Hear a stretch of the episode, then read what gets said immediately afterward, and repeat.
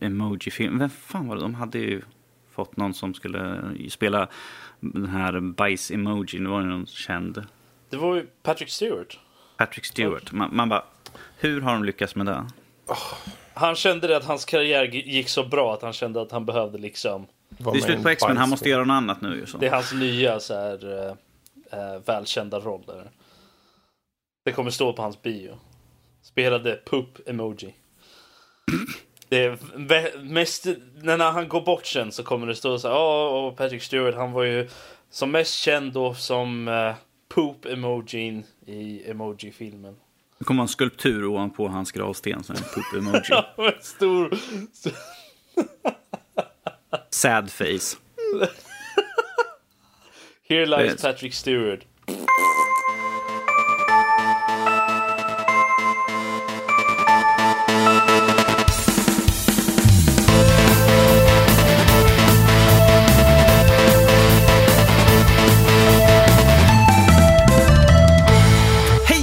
Välkomna till Nördliv, en podcast om spel och nördliv av alla de slag.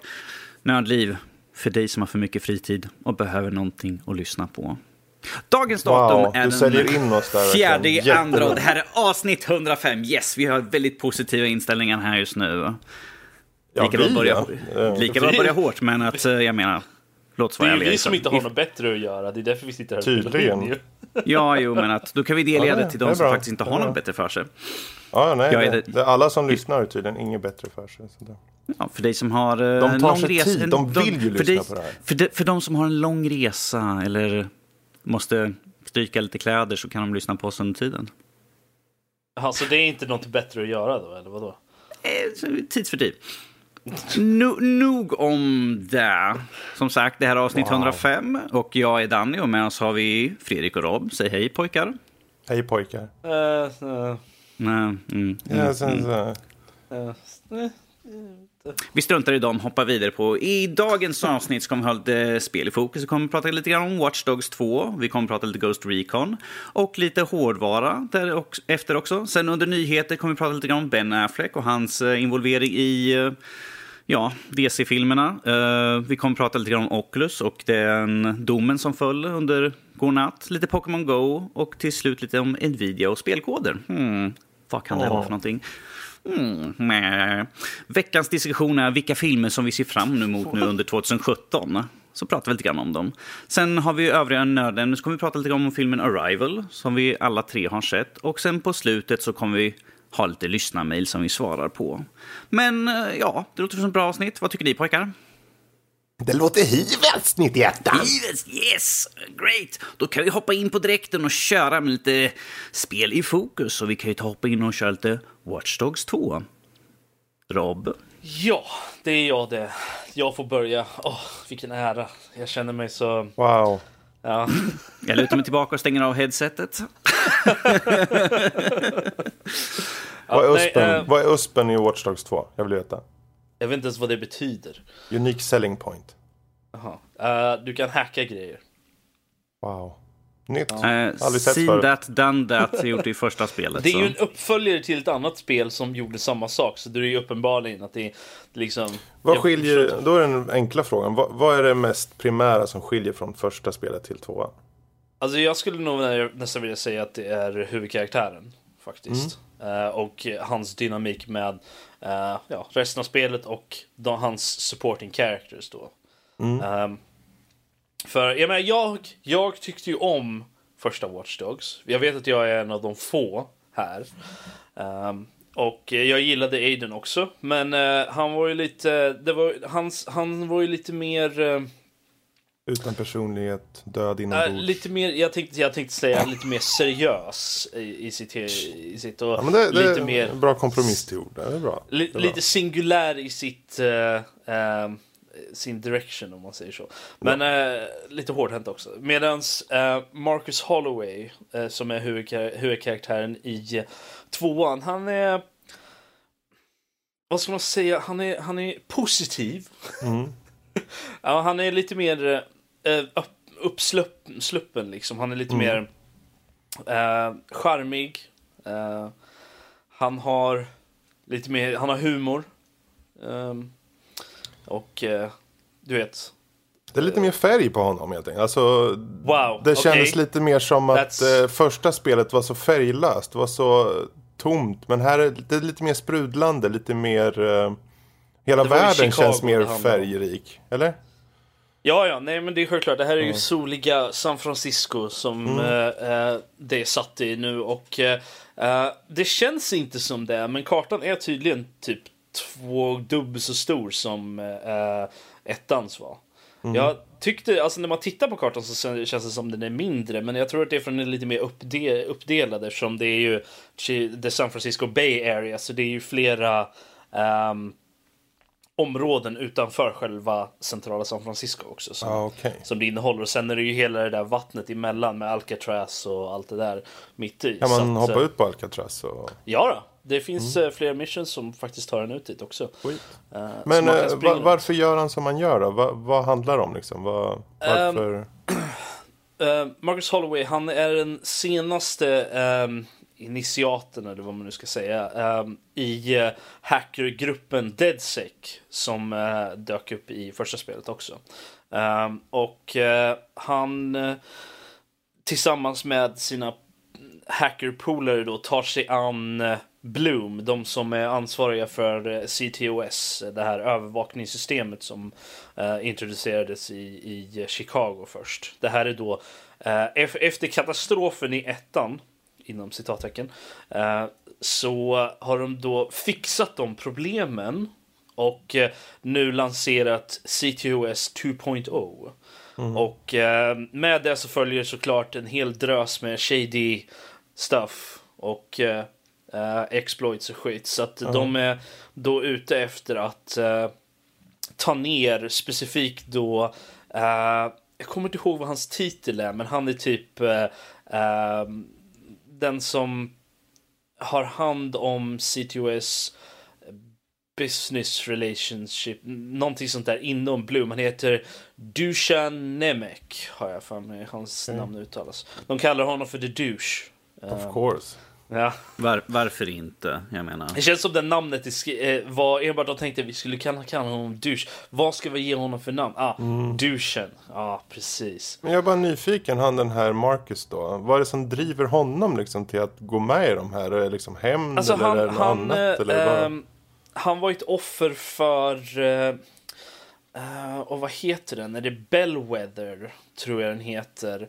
Det är så många olika så här, termer för olika grejer, delar av det här systemet så det, det, är svårt att komma ihåg alla. Men jag har för mig att det är Bellwether som är ett... Uh, uh, det är en algoritmgrej som då är inkopplad i CTOS som hjälper till, till för att... Det är lite som precog från, från eh, Minority Report. Liksom. De mm. förutser eh, brott, typ. fast här är det mer en eh, extrapolation. Det är alltså de försöker förutspå brott och sådär. Och mm. de har det här eh, Bellwether då hade profilat honom som ett eh, potentiellt eh, eller, eller, som om han hade varit med i ett brott eller något sånt där. Och mm. eh, det här är något som förklaras tidigt i spelet och jag har spelat över 30 timmar så det är svårt att komma ihåg. Um, men det är då att ja, han har då blivit profil och eh, fått eh, blivit då eh, arresterad för det här och fått. Eh, eh, jag tror han var tvungen att göra community service eller något sånt. Där. Han, han var. Jag för mig att han hamnade i finkan, men han är ju ung. Han var ganska ung så att. Eh, jag tror det var typ så youth jail eller något sånt. Jag kommer mm. inte ihåg. Så efter det så vart han ganska disillusion med allting så att han blev en hacker, en ordentlig hacker och uh, joina the DeadSec. Mm. Okay. Så att hans motivation är ju att det inte ska hända andra människor då. Ja men då så, då så. Det är ju lite skönt i alla fall. Det är inte mm. så här uh, rakt av hämndhistoria bara sådär. Utan det har lite mer lager i sig känns det som.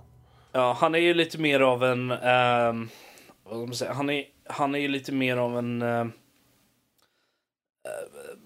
han är inte lika en en, inte envis, men han är inte lika fokuserad på en sak som, som Aiden var. Han var ju liksom okej, okay, jag ska hem liksom. Det är det som gäller här och om jag måste ta ner liksom CTOS för att göra det så that be it. Men här är det mer liksom okej, okay, vi vill göra det bästa för för världen i det här mm. fallet. För att eh, Bloom och de har ju en hel, mass, hel drös med shady illegal stuff för sig. Mm.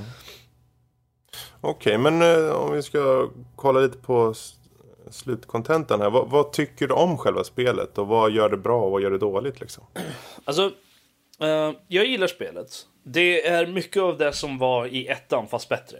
De har mm. eh, bilsystemet och, och sånt har de uppgraderat lite så att det, det känns bättre att köra det. Köra ah, bil och, och motorcyklar sådär. De har um, de har fixat en hel del grejer där. De har också en, en hel drös nya bilar och motorcyklar och sådär som eh, i den här. Uh, en av mina favoriter är... Um, har, ni sett, har ni sett såna här um, trehjulsmopeder som gamla yep. gubbar åker runt i? Ja. Mm. Det är som en sån, fast den har fyra hjul. Som sitter ganska nära. Den är alltså tillräckligt bred för att en person ska få plats inuti den. Så det, den ser ut som en sån här liten, um, en liten sån här elbil typ. Okej. Okay. Fast liksom ihoptryckt.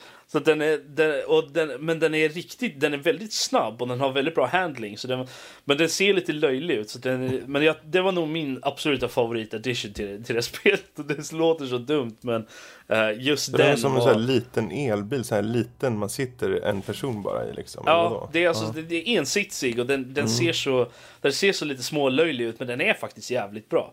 Men jag har en tendens att köra motorcyklar istället. Den är ganska svår att få tag på för den finns Aha. bara typ ute i Silicon Men det är typ som där som man ser äldre herrar åka runt på stan med? Ja, nej, alltså den, den är åt samma eller? håll. Fast, ja. fast den här ser ganska, den ser uh, coolare ut om man säger så. Den jag är... tycker du ska ha en sån i verkliga livet. Det skulle passa Jag vill dig. ha en sån i verkliga livet.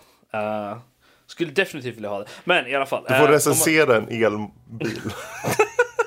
Oh dear. Självklart. En sån uh, ja. Oh dear. Ja, är det någon som vill donera sån, det är helt okej. Okay. Uh, jag recenserar den gärna. Nej men, um, så att de, de har fixat med det och det är lite sådana saker som har blivit uh, bättre. De har ju ändrat hur hacking och sånt fungerar också. Um, förut så var det ju uh, väldigt mycket uh, mycket springandes runt och du använde kameror för allting typ och eh, för, kunde du inte komma någonstans med kameror så var du ju tvungen att gå in och göra saker själv istället. Här mm. så har du lite mer tools. Du har eh, mina personliga favorit additions till det här spelet, vilket är eh, radiobilen. Det är alltså en två, tvåhjuls radiobil som du kan åka ut som hoppar och den kan du åka, köra runt, eh, skicka in istället för att du själv ska åka. Och sen en quadcopter Mm. Som eh, du kan flyga runt med och scouta. Så att um, de är ro, ro, ro, Robert, hur många gånger har du hoppat av med din lilla radiobil från någon högt torn bara för att se vad som händer? Uh, ingen, för jag visste vad som skulle hända när det gick sönder. Eh. Kunde jag klarat sig kanske? Nej, den, eh, den tar skada om den, tar, om, den Den här quadcoptern, det är typ som en drönare alltså då? Eller det är en drönare. Det är, mm. det är exakt vad det är. Det är en quadcopter. Alltså den, en sån här mm. som man flyger kring med. Den jag nämnde det bara för att det finns en... Uh, Ubisoft-spelen, de bär över lite till uh, andra spel. Och det kommer vi ta upp lite i Wildlands sen. Men um, ah, okay. vad finns det för ah, några svagheter med spelet då?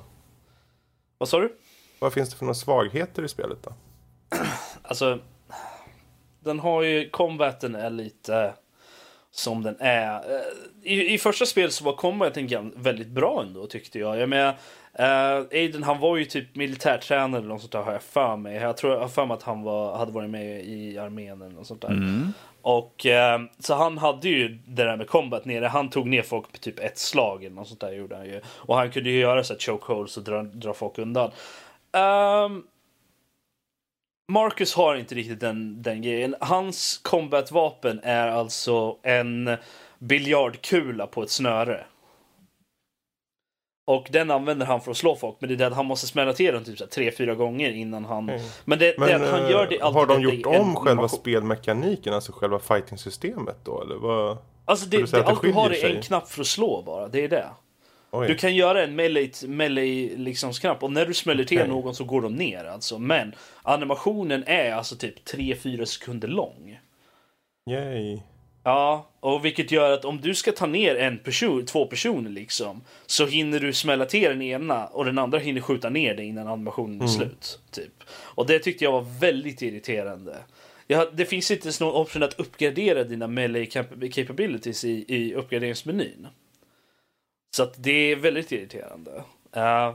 Men jag föredrar att inte gå in själv, utan men jag föredrar att skicka in quadcoptern eller, eller mm. radiobilen. Men i vissa fall så måste du gå in själv. Och uh, då blir det väldigt irriterande om du inte kan ta ner, om, om det är massor med folk på ett ställe. Mm. Så att uh, det, det är ganska irriterande. Um, jag det, det, är inte så jättemycket saker som är problematiska i spelet, helt ärligt. Det är mest sådana små saker. Det var några buggar lite här och var som jag... Mm. Eh, folk som flög runt i luften och sånt där. Um, sånt är ju spännande. Ja, nej, men det var inte allt för illa. Jag tror jag bara stötte på det typ två gånger under 30 timmars speltid. Alltså.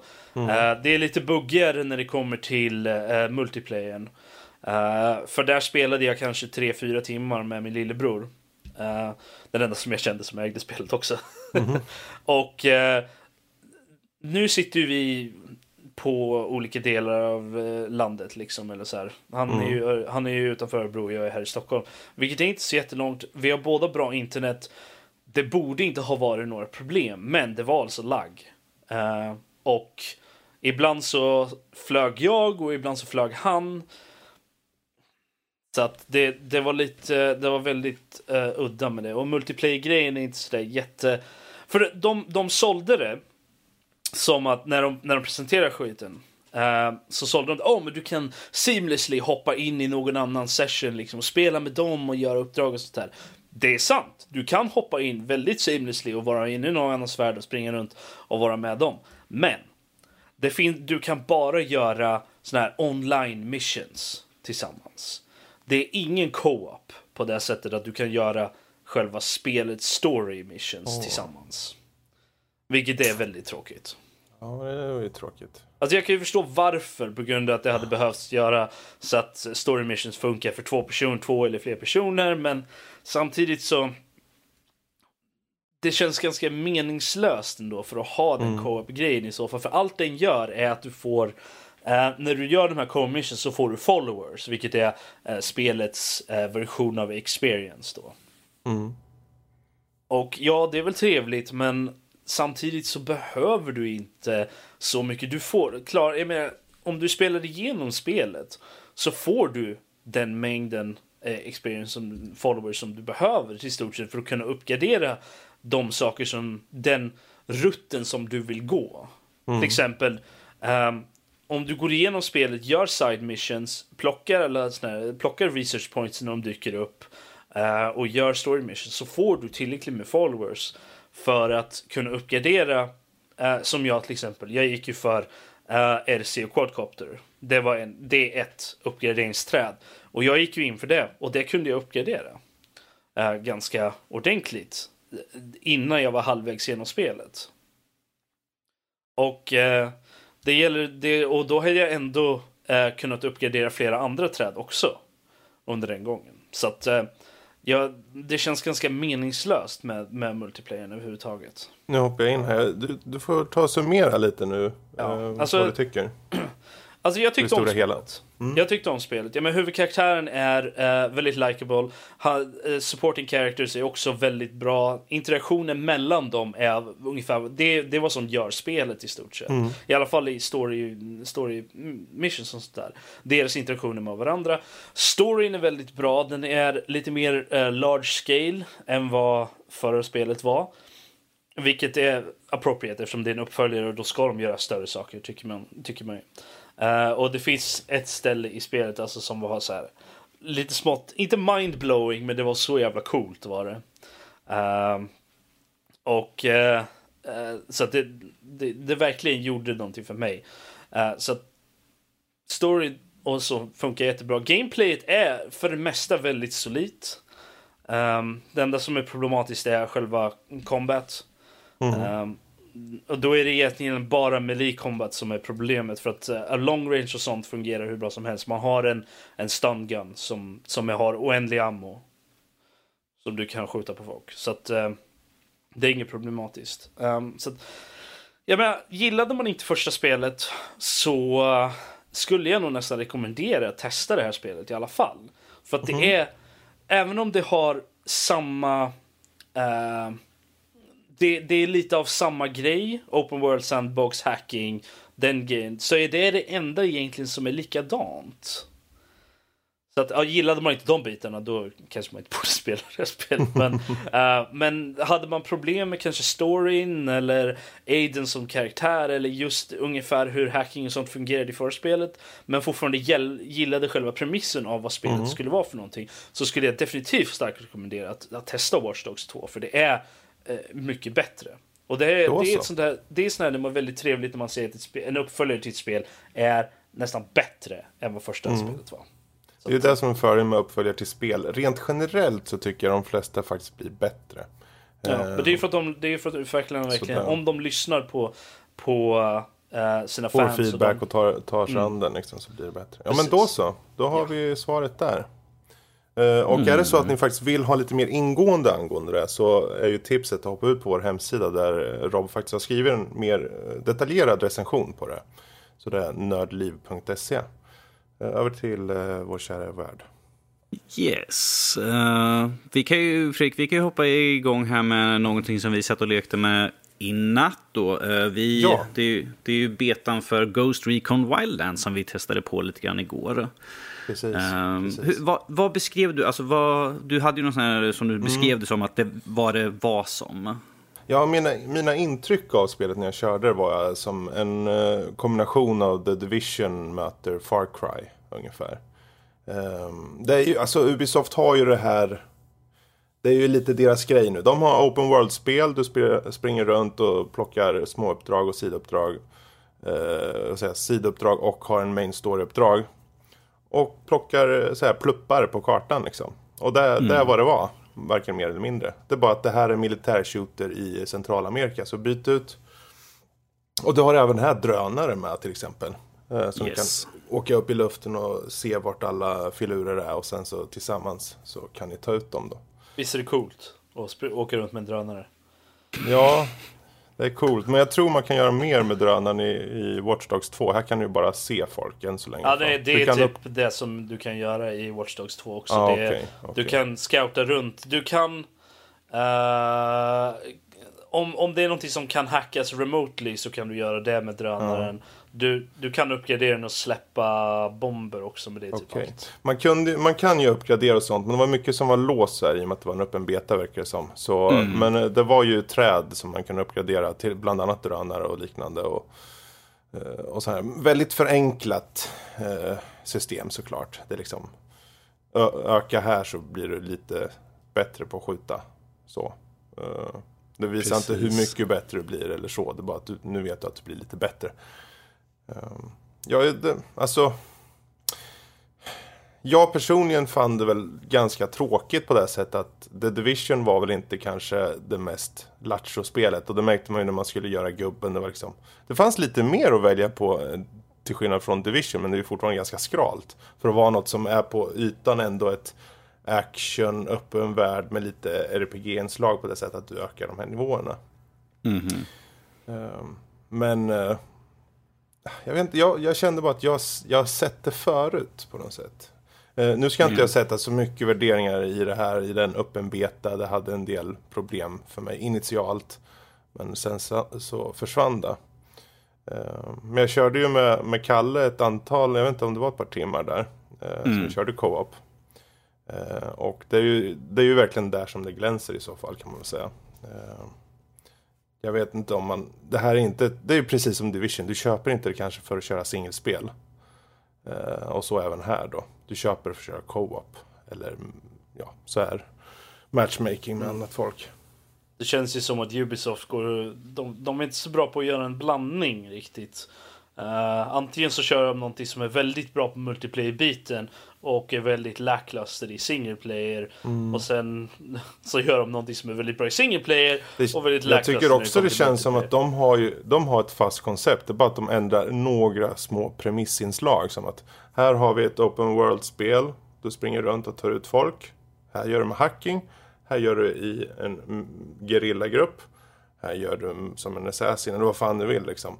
Det, de har ett koncept och det konceptet, det, kommer, det, är en, det är en hög lägstanivå på det.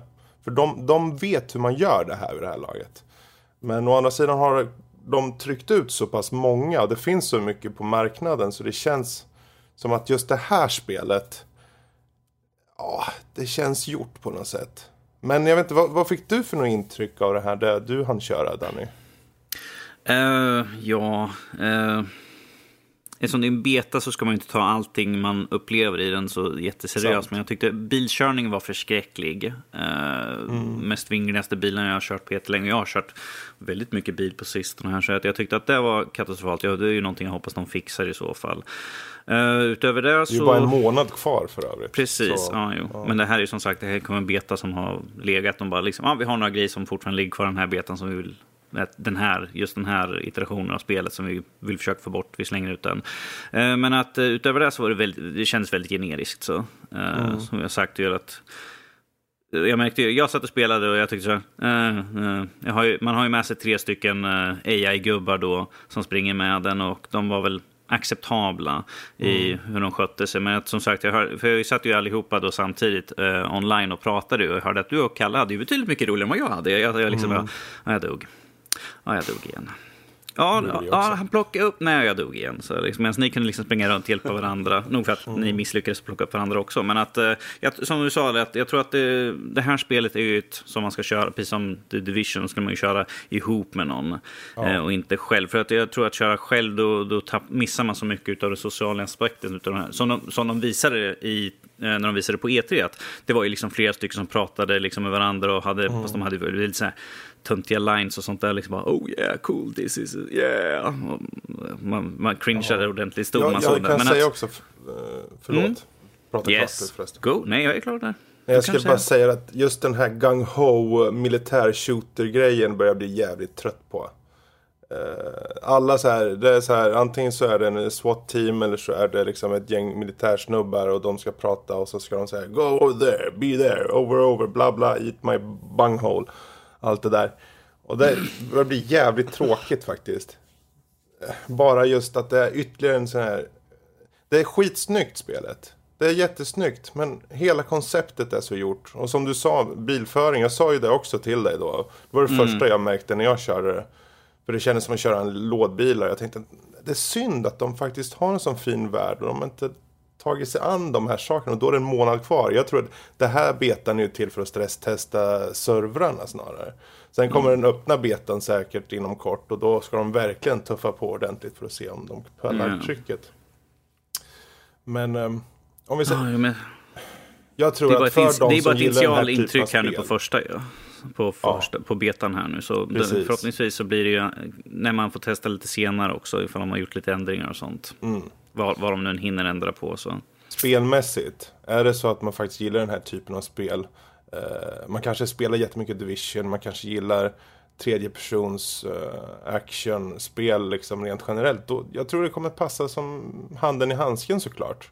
Eh, det är väl just att det, det, jag tror att många kommer, det här är ett spel som folk, vad jag känner initialt, folk kommer beta av det. De kommer köra det och sen, ja nu har jag kört det en månad, nu kommer jag aldrig röra det igen.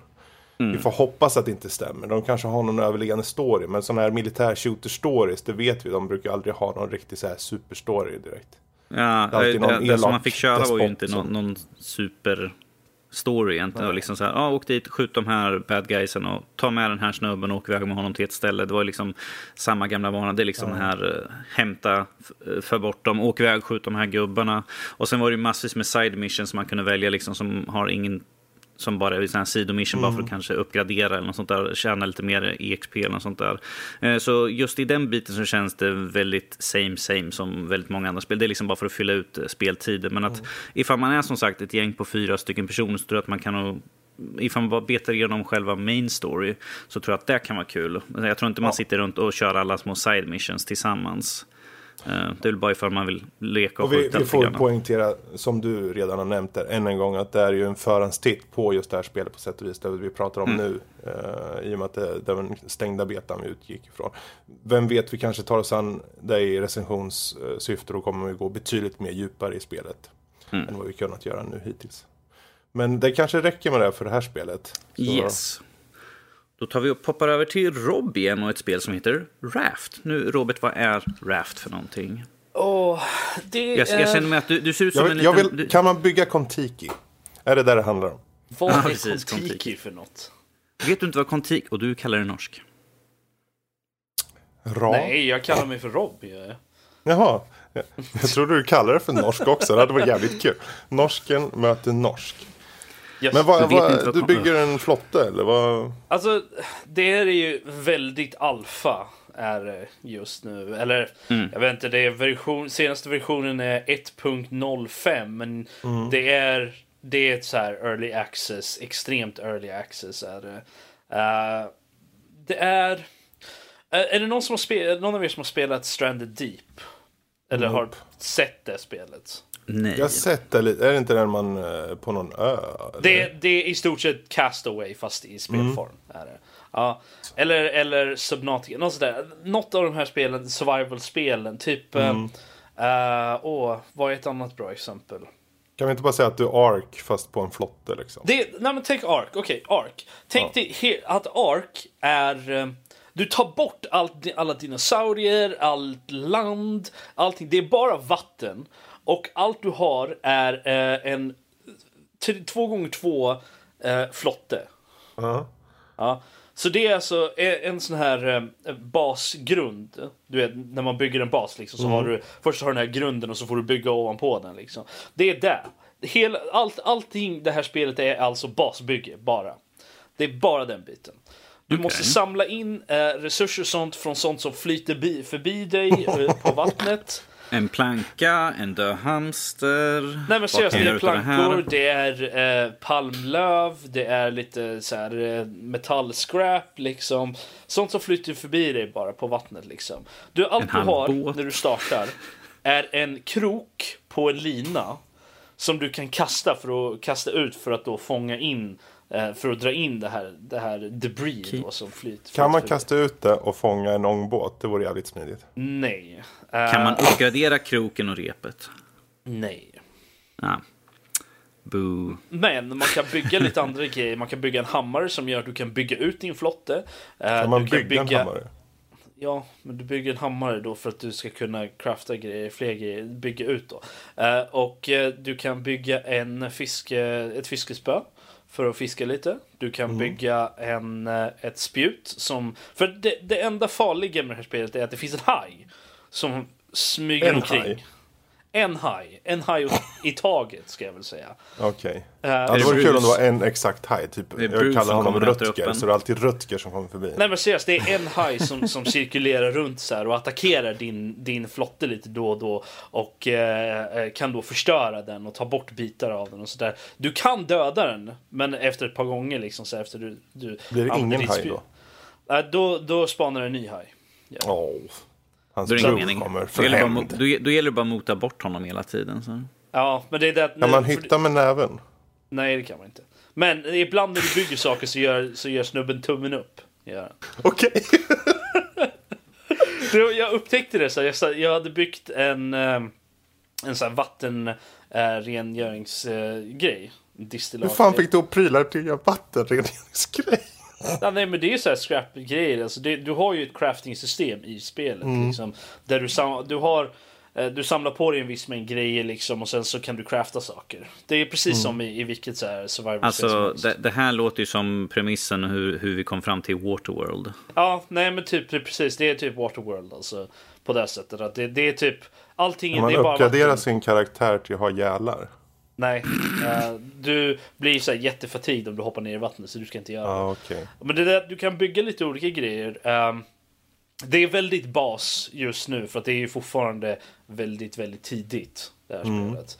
Och uh, så just nu så kan du bygga, när det kommer till själva basen, så kan mm. du bygga flotte eh, golv. Eller sånt som då är, ska vara på vattnet för att du ska flyta. Mm.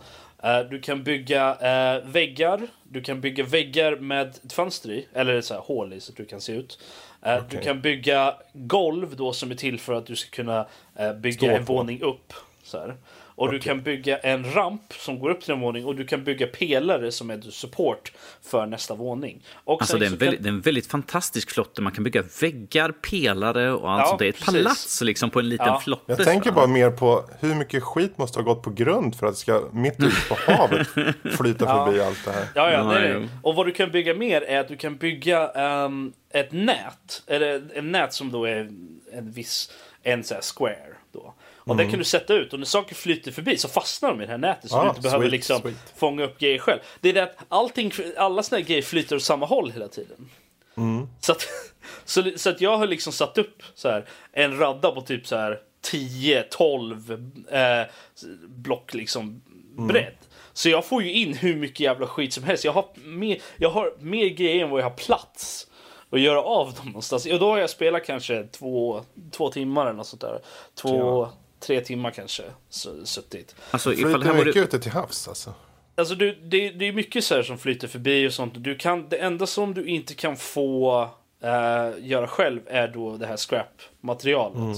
Och sen så flyter det tunnor förbi lite så här då och då. Uh, som du kan få lite mer grejer i. Där kan du få ah, okay. uh, potatisar, uh, betor och palm eh, nötter, vad heter det? Är, det, är, det, är det tunnor med rom också? Vad sa du? Nej, Är det tun tunnor med rom? Nej. Um, kokosnötter alltså? Så du kan okay. ju alltså bygga en, du kan bygga... Restaurang. En, en sån här cropbox, typ, där du kan plantera tre stycken av vilka typ så här, betor eller potatis. Sen kan du också bygga en, en sån här liten plott där du kan plantera en... Plantera. Förlåt. Jag ja. får så dåliga bilder i huvudet. Jag fick en hel bild så här på en fin restaurang börja skölja där runt på havet. Alltså, och så allt ser ut kommer det förbi det gäster liksom. som flyter förbi också. Här, jag, kan, jag kan göra så här så ni kan få se i alla fall. Här. Jag har redan tittat. Jag har ja. den här framför mig. Ja, så det, det, det ser ju, alltså det, det är ju väldigt uh, udda det här i, det, i sig. Liksom. Men, men på något sätt så är det ganska eh, trevligt att köra ändå. Det är väldigt, jag kan säga att jag vill testa det här. Jag kommer det, testa det. Det är väldigt early access fortfarande. Mm. Är um, och uh, det är, man kan gå in på raft.itch.io slash raft. Så finns det då du kan ladda ner det och du kan oh, bestämma dear. vilket pris du vill lägga. Minimum är väl typ en dollar eller något sånt där. Mm. Så jag tog ner det för jag har inte råd med en dollar just nu. Så att jag, jag tog ner det gratis. Men så att eh, det går ju att plocka ner och, och testa liksom. Så det, det är ju ett spel. Det går ju att starta och det kördes helt okej. Okay. Jag hade typ så här 90 FPS i det spelet. Det är inte mycket direkt. Uh, det är inte väldigt avancerat. Um, men det, det är kul att spela i ett par timmar liksom. Mm. Om man gillar sådana här survival-spel så är det faktiskt ganska kul.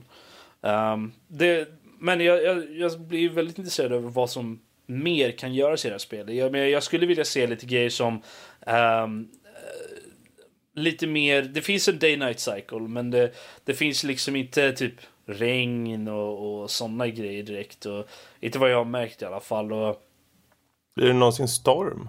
Nej, det blir ju inte det. Och det är ju inte så att du flyter omkring utan flotte står ju på samma ställe hela tiden. Aha. För det märks ju för att vattnet guppar omkring dig lite så här, men det är inte så att du flyter iväg någonstans. Nej. Och eh, den här hajen cirkulerar runt dig hela tiden och allt debris kommer från ett håll. Uh, så att har du satt upp liksom som jag gjorde, så här, ett antal, en hel radda med sån här nät. Så mm. får du in material hela tiden. Kan man fånga hajen? Du kan döda hajen, den kommer upp och försöker bita sönder din, uh. äh, din flotte. Och har du ett spjut så kan du attackera den. Jag tror du får in typ 4-5 slag. Sen släpper den lös och flyger och, och, och simmar iväg. Mm. Sen nästa gång ha, den kommer igen så kan, så kan, du attackera den igen. Och mm. jag tror efter ett par gånger när du har fått in ett visst antal slag så dör den och då får du, om du fortsätter slå på kroppen så får du hajkött. Så så du kan, som är Exakt. typ den bästa Sushi. maten i spelet. Um, alltså jag, jag, ska testa det här och när, när jag träffar på hajen ska jag säga till honom på skarpen. Ja, nej, alltså det, som sagt, det är ganska kul att spela. Mm. Men uh, dels, det som jag vill se i det här är multiplayer. Definitivt. Jag skulle jättegärna vilja se multiplayer i det här spelet. Uh, två stycken som springer runt på flottan och försöker hålla ordning på skiten. Uh, och sen skulle jag vilja se, jag skulle se väder. Um, lite storm. Jag skulle vilja se debris från andra håll så att du behöver vara lite mer säker vart du sätter såna här grejer. Uh, jag skulle också vilja se Uh, någon form av uh, physics för raften också. Så att till exempel du kan bygga allt för mycket på ena sidan för då kommer den tippa över. Så du behöver typ ha någon form av ballast på andra sidan. Liksom, sådär, så, att det, uh, så att man behöver balansera lite hur man bygger så att det inte bara blir som en jävla byggnad mitt i alltihopa. så det inte flyter runt ett jävla tiki bara mitt i vattnet. Bara. ja. Okay, eller så kommer Kontiki köra över det. Men det låter ju som i alla fall ett spel som du tycker att folk ska testa. Ja. Roberts rekommendation. Skit i, skit i Watch Dogs 2 utan kör Raft istället. Precis. Precis. Uh, det är mycket billigare också. Precis, mycket billigare också. Yes, ja, men vi tar, vi tar och rundar av det på den och så går vi över till dig Fredrik. Du ville prata lite grann, lite tillbehör och då ja. Blue Raspberry. Precis, jag tänkte det var kul att kanske ta upp den här lite snabbt och belysa den. För det, en ny mick från Blue, uh, Blue Raspberry, som uh, dess unika lilla grej är att den även passar till mobila enheter, alltså till surfplattor och telefoner. Mm. Förutsatt att du har rätt appar då. Till exempel på iPhone finns det ett gäng appar som har aktivt stöd. Och det är en studio grade mic på det här så du får alltså en jävligt bra kvalitet för den. Eh, trots att du sitter där och spelar in rakt in i din mobil. Eh, den, är, den är dessutom så pass portabel att den liksom har en egen fot som du kan veckla in den i. Eh, men om du vill så följer du med skruv, 5-8 skruv för att sätta fast den på till exempel en bomarm och, och så. Eh, och eh, även om den är liten till storleken så har den som sagt väldigt, väldigt klart och rent ljud. Ehm, den är i princip i paritet med eh, den är till och med bättre skulle jag säga än Blues Yeti. Den har eh, kvalitet som ungefär som de mikrofoner ni sitter vid. Mm. Samson-mickarna och eh, Rödes NT USB-mick till exempel. Det är väldigt bra kvalitet och då, då ser den lite Den har en ehm, jag skulle säga silverfärgad yta med en, en, en röd front och en, en bakre sida med rött som ser ut som en så imiterad läder. Eh, så den ser väldigt så här distinkt, eh, dis, inte diskret kanske, men lite elegant skulle jag säga. Den ser mm. lite elegant ut. Um, nackdelen den har, i och med att den här foten som den står på, den har förvisso gummiunderlag. Men mm. har du den på bordet och du råkar slå till på bordet så är det klart att då, i och med att det är en studiomick, så tar den upp det ganska bra. Um, men det är å andra sidan det smällar man kan ta med tanke på att den är så portabel som den är. Um, den har ju på sidan, om på båda sidor har den rattar för uh, ljud och uh, medlyssning. För den har också stöd för medlyssning. Uh, noll latency på den. Eh, så rent generellt skulle jag säga, är det så att ni är ute efter en mix som ni vill ha med ut på vägen, det vill säga ni kanske eh, ni kanske har en podcast som ni rör er mycket, men ni kanske åker ut till folk eller ni vill intervjua folk framförallt. Då skulle jag faktiskt rekommendera den här ganska starkt. Eh, inte bara på grund av att den har en väldigt bra eh, ljudbild, utan för att den är just så liten, kommer med en liten, eh, en liten påse kan man säga som man kan lägga i, i och eh, är väldigt smidig sådär. Um, ja, det, det enda minuset utöver just kanske att den tar upp de här vibrationerna lätt är ju kanske prisbilden i sig då den ligger runt 1900 spänn. Mm. Um, men å andra sidan, vi snackar en jävligt hög kvalitet på ljudbilden. Uh, trots att den är mindre i storlek och är anpassad för mobil uh, hantering mest. Mm. Men, men, men som du säger, att för vad, för vad man får så är det ett, ett riktigt bra pris. Ja, ja herregud. Absolut. Uh, det här på, jag har ju faktiskt gjort, ni kan ju läsa den på hemsidan, det finns en recension där på den sen i december gjorde jag det. Uh, och uh, den fick ju vårt högsta betyg just för att den ger sån jättebra kvalitet. Den har med fotlösningen och den är väldigt enkel i installation och så vidare. Så det är helt enkelt ett en riktigt bra rekommendation för de som är ute efter en mikrofon eh, som de vill ha med ut på vägarna. Jag föreställer mig bara liksom folk som går runt och har en sån här grej runt nacken som gör att micken sitter framför dem så här. Så vandrar de omkring med den och spelar. Ja, det vore ju något. Hänger en stor uh, röda mick, blue mick istället. Ja, det vore ju något. Ja. Oh dear. Uh, men uh, det, det räcker väl om den tycker jag. Det, det är en bra mick. Punkt yes. Mm. Nice. En bra rekommendation. Vi har testat på den. Vi har lekt lite grann med den. Den är faktiskt väldigt mm. bra. Ja, får säga har pillat lite på den så här. Uh, ja, oh. jo, lite grann. Uh, det, jag skyller på Fredrik. Han bara, jag pillar på den. Han, Fredrik, Fredrik kom till mig han bara, pilla på den. Jag bara, jag vill inte. Pilla på den. Okej då. Men pilla på micken då? Jaha, det är det du menar. Ah, okej då. Oh. Pinsamt. Men nog om pinsamheter och vi går över till lite intressanta nyheter istället. Fredrik, vad mm. har hänt i världen? Det har hänt både det ena och andra, men vi har ett par nyheter som vi tar upp. Uh, första mm. nyheten, uh, Ben Affleck kommer inte regissera kommande The Batman. Uh, utan han kommer enbart vara framför kameran. och det var väl egentligen han gick ju ut tillsammans med eh, Warner Bros. Eh, och sa att eh, i ett öppet brev så att säga att varför och så vidare. Och det var för att han kände att han inte kunde committa till arbetet eh, bra nog att stå framför kameran. Eh, och tyckte att det räckte för det var mycket jobb i sig bara. Så de letar mm. regissör nu. Eh, tyvärr medför ju det här förmodligen att det kommer skjutas kanske lite längre. Den skulle ju ha påbörjats filmas inom kort. Så yes. det är ju lite tråkigt. Ja. Men så är det med det i alla fall. Mm. Jag, jag, jag, är som sagt jag är inte förvånad alls för att han har ju gått ut sen tidigare och sagt att de kommer börja spela in filmen när han är nöjd med manuset och det är mm. en av de mm. grejerna som har varit välrit åtkommande och eftersom han inte varit nöjd med manuset så har väl han känt liksom att jag har inte tid liksom att göra allting det är som manuset har dragit, dragit efter liksom, och han ska liksom försöka starta upp allting. Så det blir för mycket att liksom vara producent, regissör, liksom skådespelare, screenwriter och mm. allt sånt där. Så att, uh, jag förstår mycket väl. Han, han, är bara, han kommer fortfarande skriva, hjälpa jo, till jo, med att skriva. Men att så det, jag känner att det blir för mycket. Han kommer kunna liksom, fokusera bättre. Det är ju, precis. precis. Han kommer kunna fokusera bättre på, ja. på storyn att, kanske. Så, men, så länge, så ja. länge som storyn är bra och de kan hitta en regissör som är... Jag vill inte säga bättre än... Uh, vad heter det? Är det Zack Snyder som gjorde Batman mm, Superman? Ja. Ja.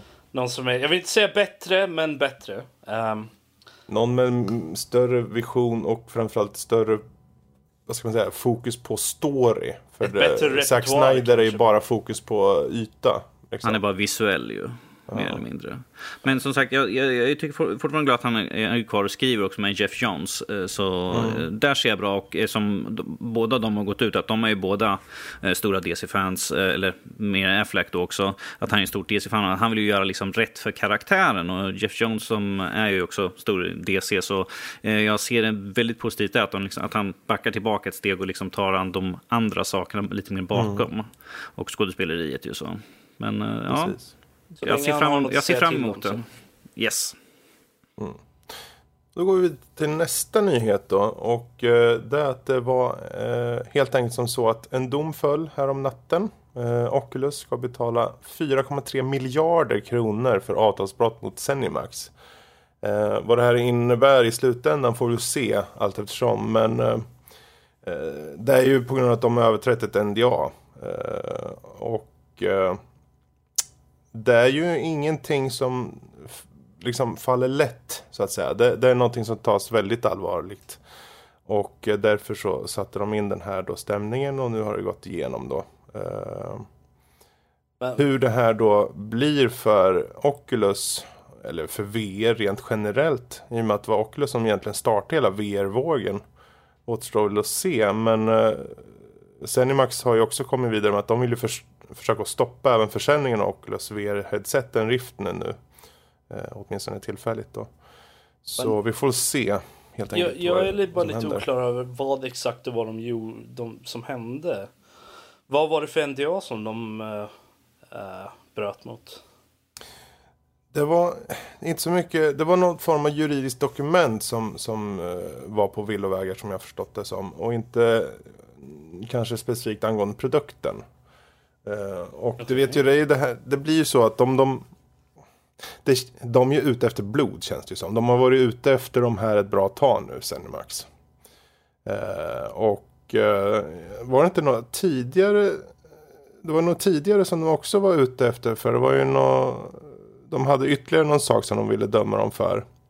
Eh, nu kommer jag inte ihåg vad det var. Men eh, det här är i alla fall den första som har gått igenom då.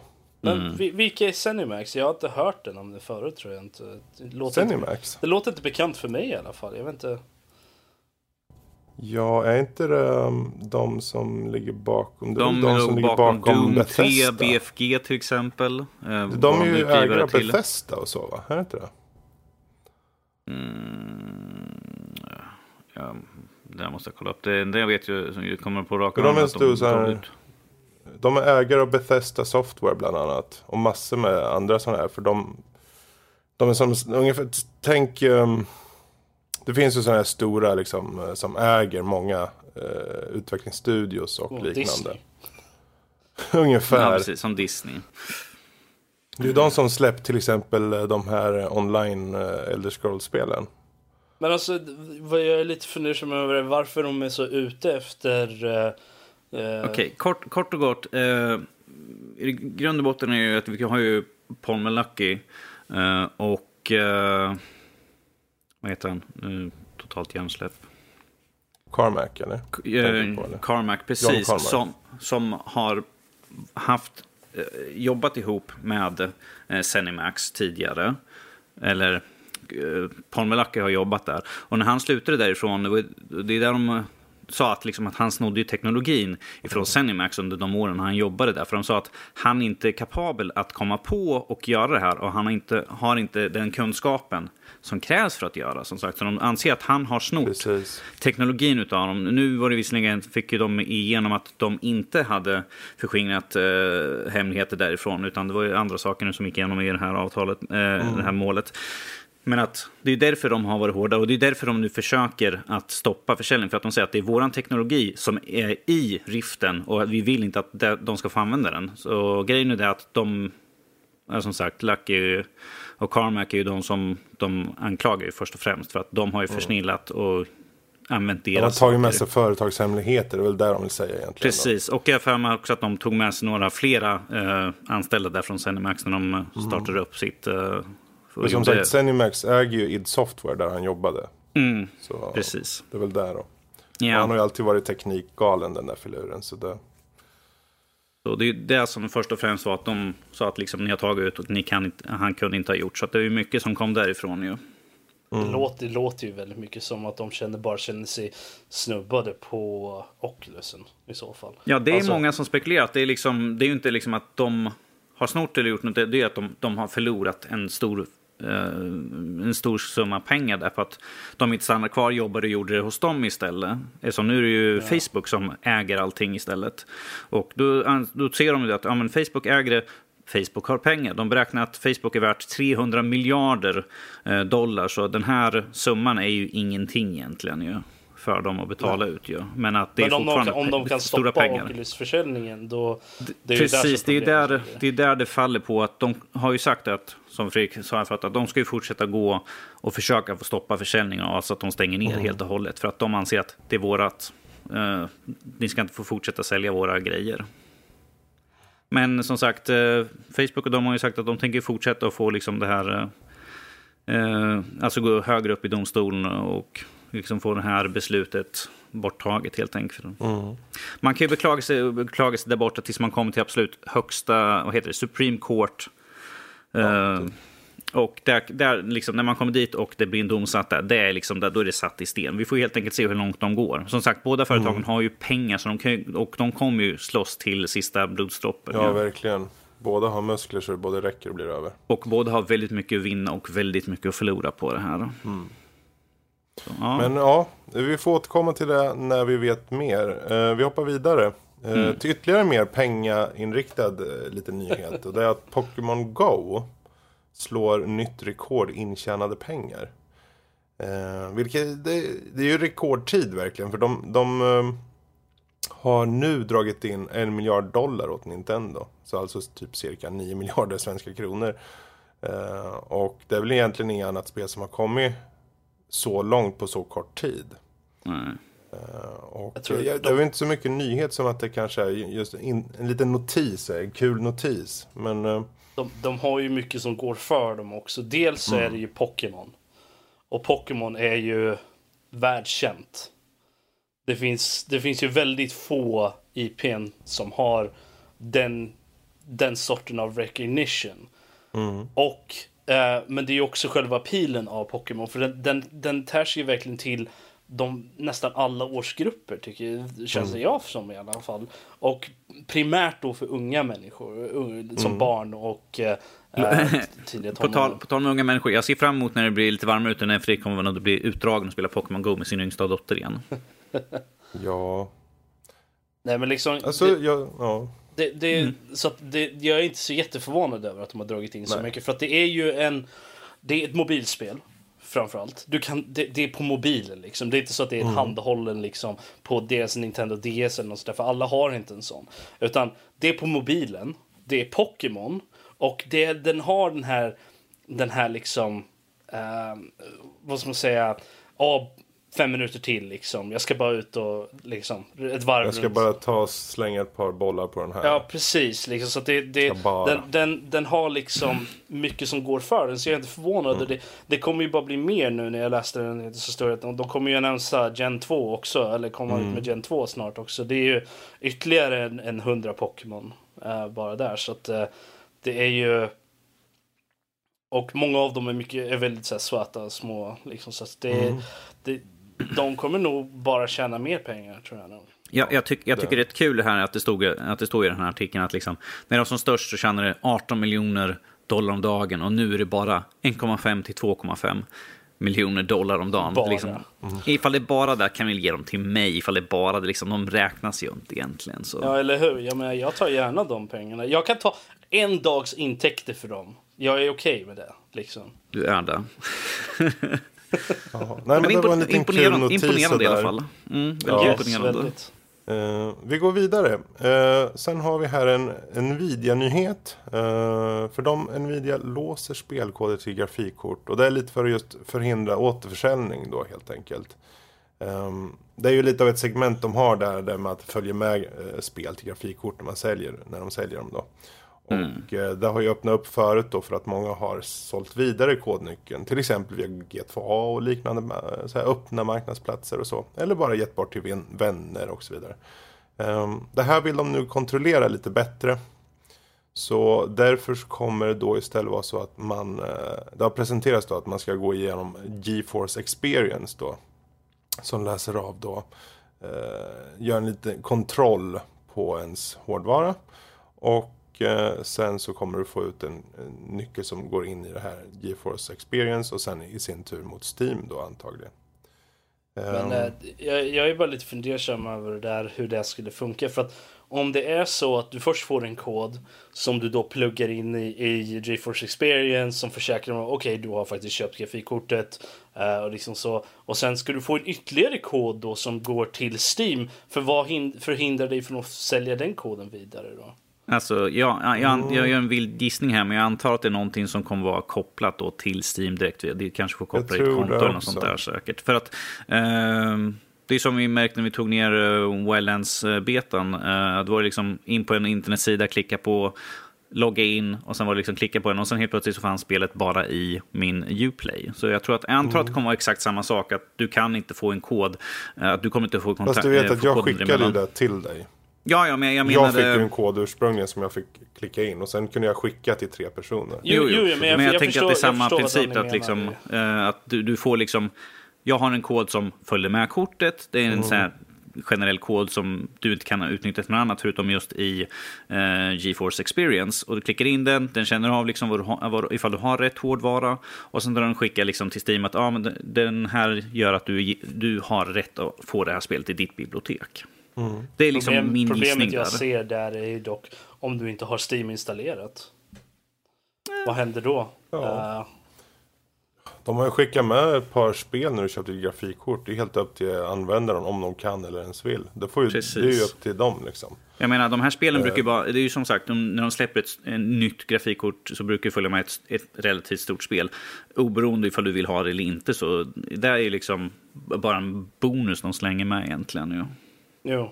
Mm. Det är ingenting som alltså säger jag kan väl förstå från deras sida att de gör den här kontrollen liksom på det sättet. För de, det, det är, tanken är att det ska användas till de korten som de säljer antagligen. Mm. Alltså jag, eh, jag, jag, för mig spelar det inte så stor roll tycker inte jag. För att jag menar, jag är inte sån som säljer sånt skit vidare i alla fall. Så för mig, så jag menar, åh gratis spel när jag väl köper ett grafikkort om fem år eller något sånt där så, mm. så, så, spelar det väl ingen roll för mig direkt att okej okay, jag får ett spel, jag måste gå igenom GeForce ja, Experience Men grej, grejen är ju liksom. den att om vi tittar här som i den här artikeln vi läser här att folk liksom har beställt grafikkorten, fått koden för spelen och sen avbokat. Det är ju där också, för att de betalar såklart pengar för de här koderna för att sälja med till sina för att slänga med till sina spel, så att de förlorar ju pengar därigenom. Men varför, varför ens ger de koden digitalt då? Det känns ju ganska meningslöst. För jag kommer ihåg när jag köpte mitt, uh, mitt 660 för mm. en fyra, fem år, fyra år sedan. Eller något sånt där. År sedan.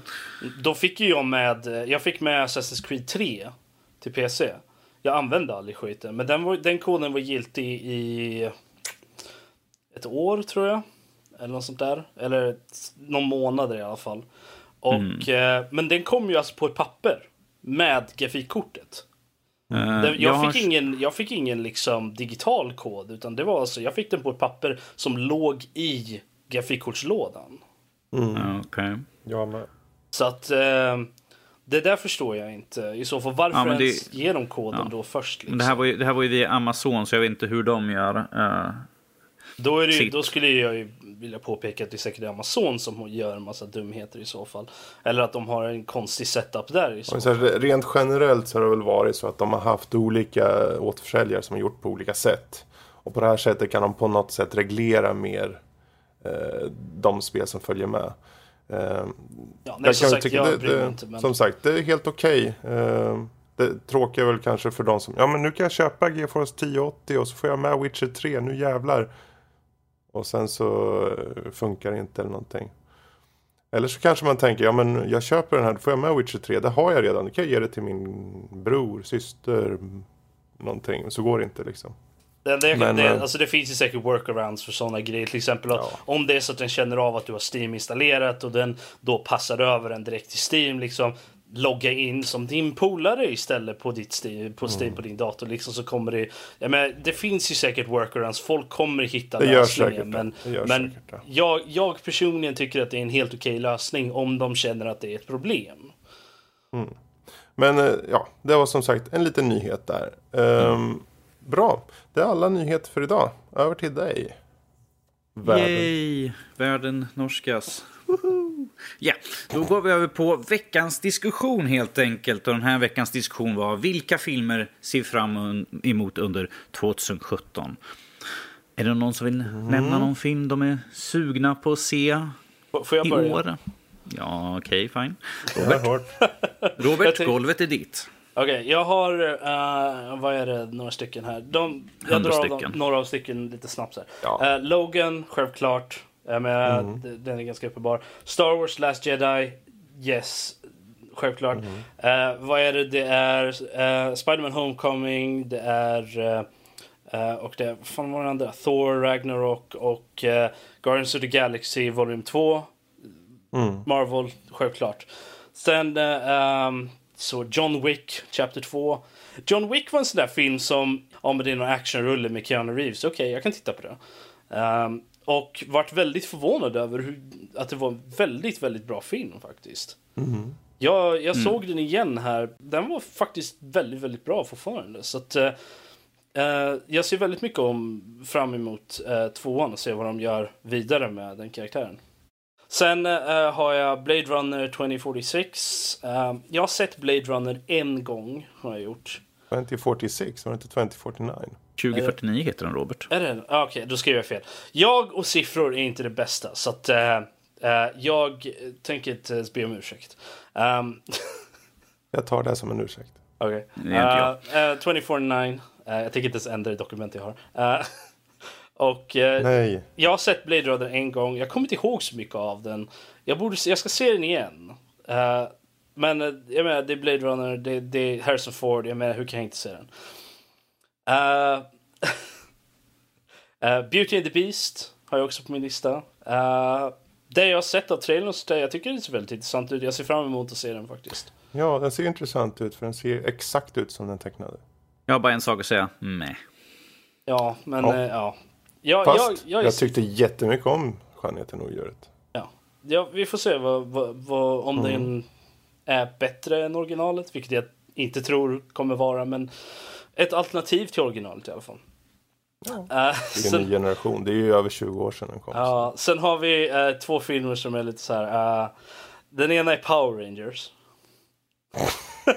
mm -hmm. Okej. Okay. Alltså jag har ja, sett, ja. sett trailern för Power Rangers, den nya som kom, den, den officiella trailern som kom. Och jag satt jag vart lite hypad faktiskt. Vart jag. Jag vart lite såhär, ja, fan det här ska jag nog se. Det har varit någonting helt annat. ja, alltså. men alltså, det, det är verkligen så här. Den, den kommer ju uppenbarligen suga så jävla hårt. Men det är lite av den där Transformers-grejen liksom. Jag vill se den bara för att se. Nu sålde du verkligen inte in den heller. Nej, nej jag vet. Men jag, tyck, jag, jag har inte tyckt om... Alltså, jag tyckte att Transformers, de var hjärndö filmer liksom. Du lämnar gärna vid dörren så kan du gå och kolla på den och liksom... Uh, lite av samma stuk kommer Power Rangers vara, jag lovar. Så att uh, jag kan titta på så, den. Så Robert tycker om att mm. lämna hjärnan vid dörren, så han behöver inte ha, komma ihåg vad filmen handlar om. Ja, men, han kommer ut så här, liksom, det var okej. Okay. Men vissa filmer är så. Man går bara in för liksom, okej, okay, det här kommer vara en action. Jag behöver inte tänka för den här filmen. Jag kan äta popcorn, dricka ja, dricka och titta på det är ju, alltså, Man får ju ha guilty pleasures, så är det tycker jag också. Nej, jag, är, jag, jag räknar inte som en guilty pleasure. För jag tycker inte guilty pleasure är en riktig sak. Men det är en helt annan diskussion. I alla fall. Uh, Power Rangers, jag ska se den för att den kommer vara så hutlöst dålig att den kommer säkert vara lite bra i alla fall. Um, mm, och sen har vi King Arthur Legend of the Sword. Jag tror att Guilty Pleasure faller in ganska bra här just nu känner jag. Den, alltså. den är inte så Guilty Pleasure. Jag vill se den bara för att se vad fan de har gjort med den egentligen. För King Ar Kung Arthur-legenden är, är, uppe där med Robin Hood, mina absoluta favorit uh, mytologiska historier eller vad man nu ska säga. Som Legender. inte är gamla myt mytologiska historier om man säger, förstår, förstår vad jag menar jag älskar verkligen kung Arthur och, och Robin Hood. Och kung Arthur, liksom, svärdet, liksom allt det där. Det, mm. Och mm. det, ja. De senaste grejerna de har gjort med kung Arthur har inte varit bra. Har de, inte. de gjorde ju en, en, um, en serie som heter Camelot. Mm. Som sög mm. hårt, gjorde den.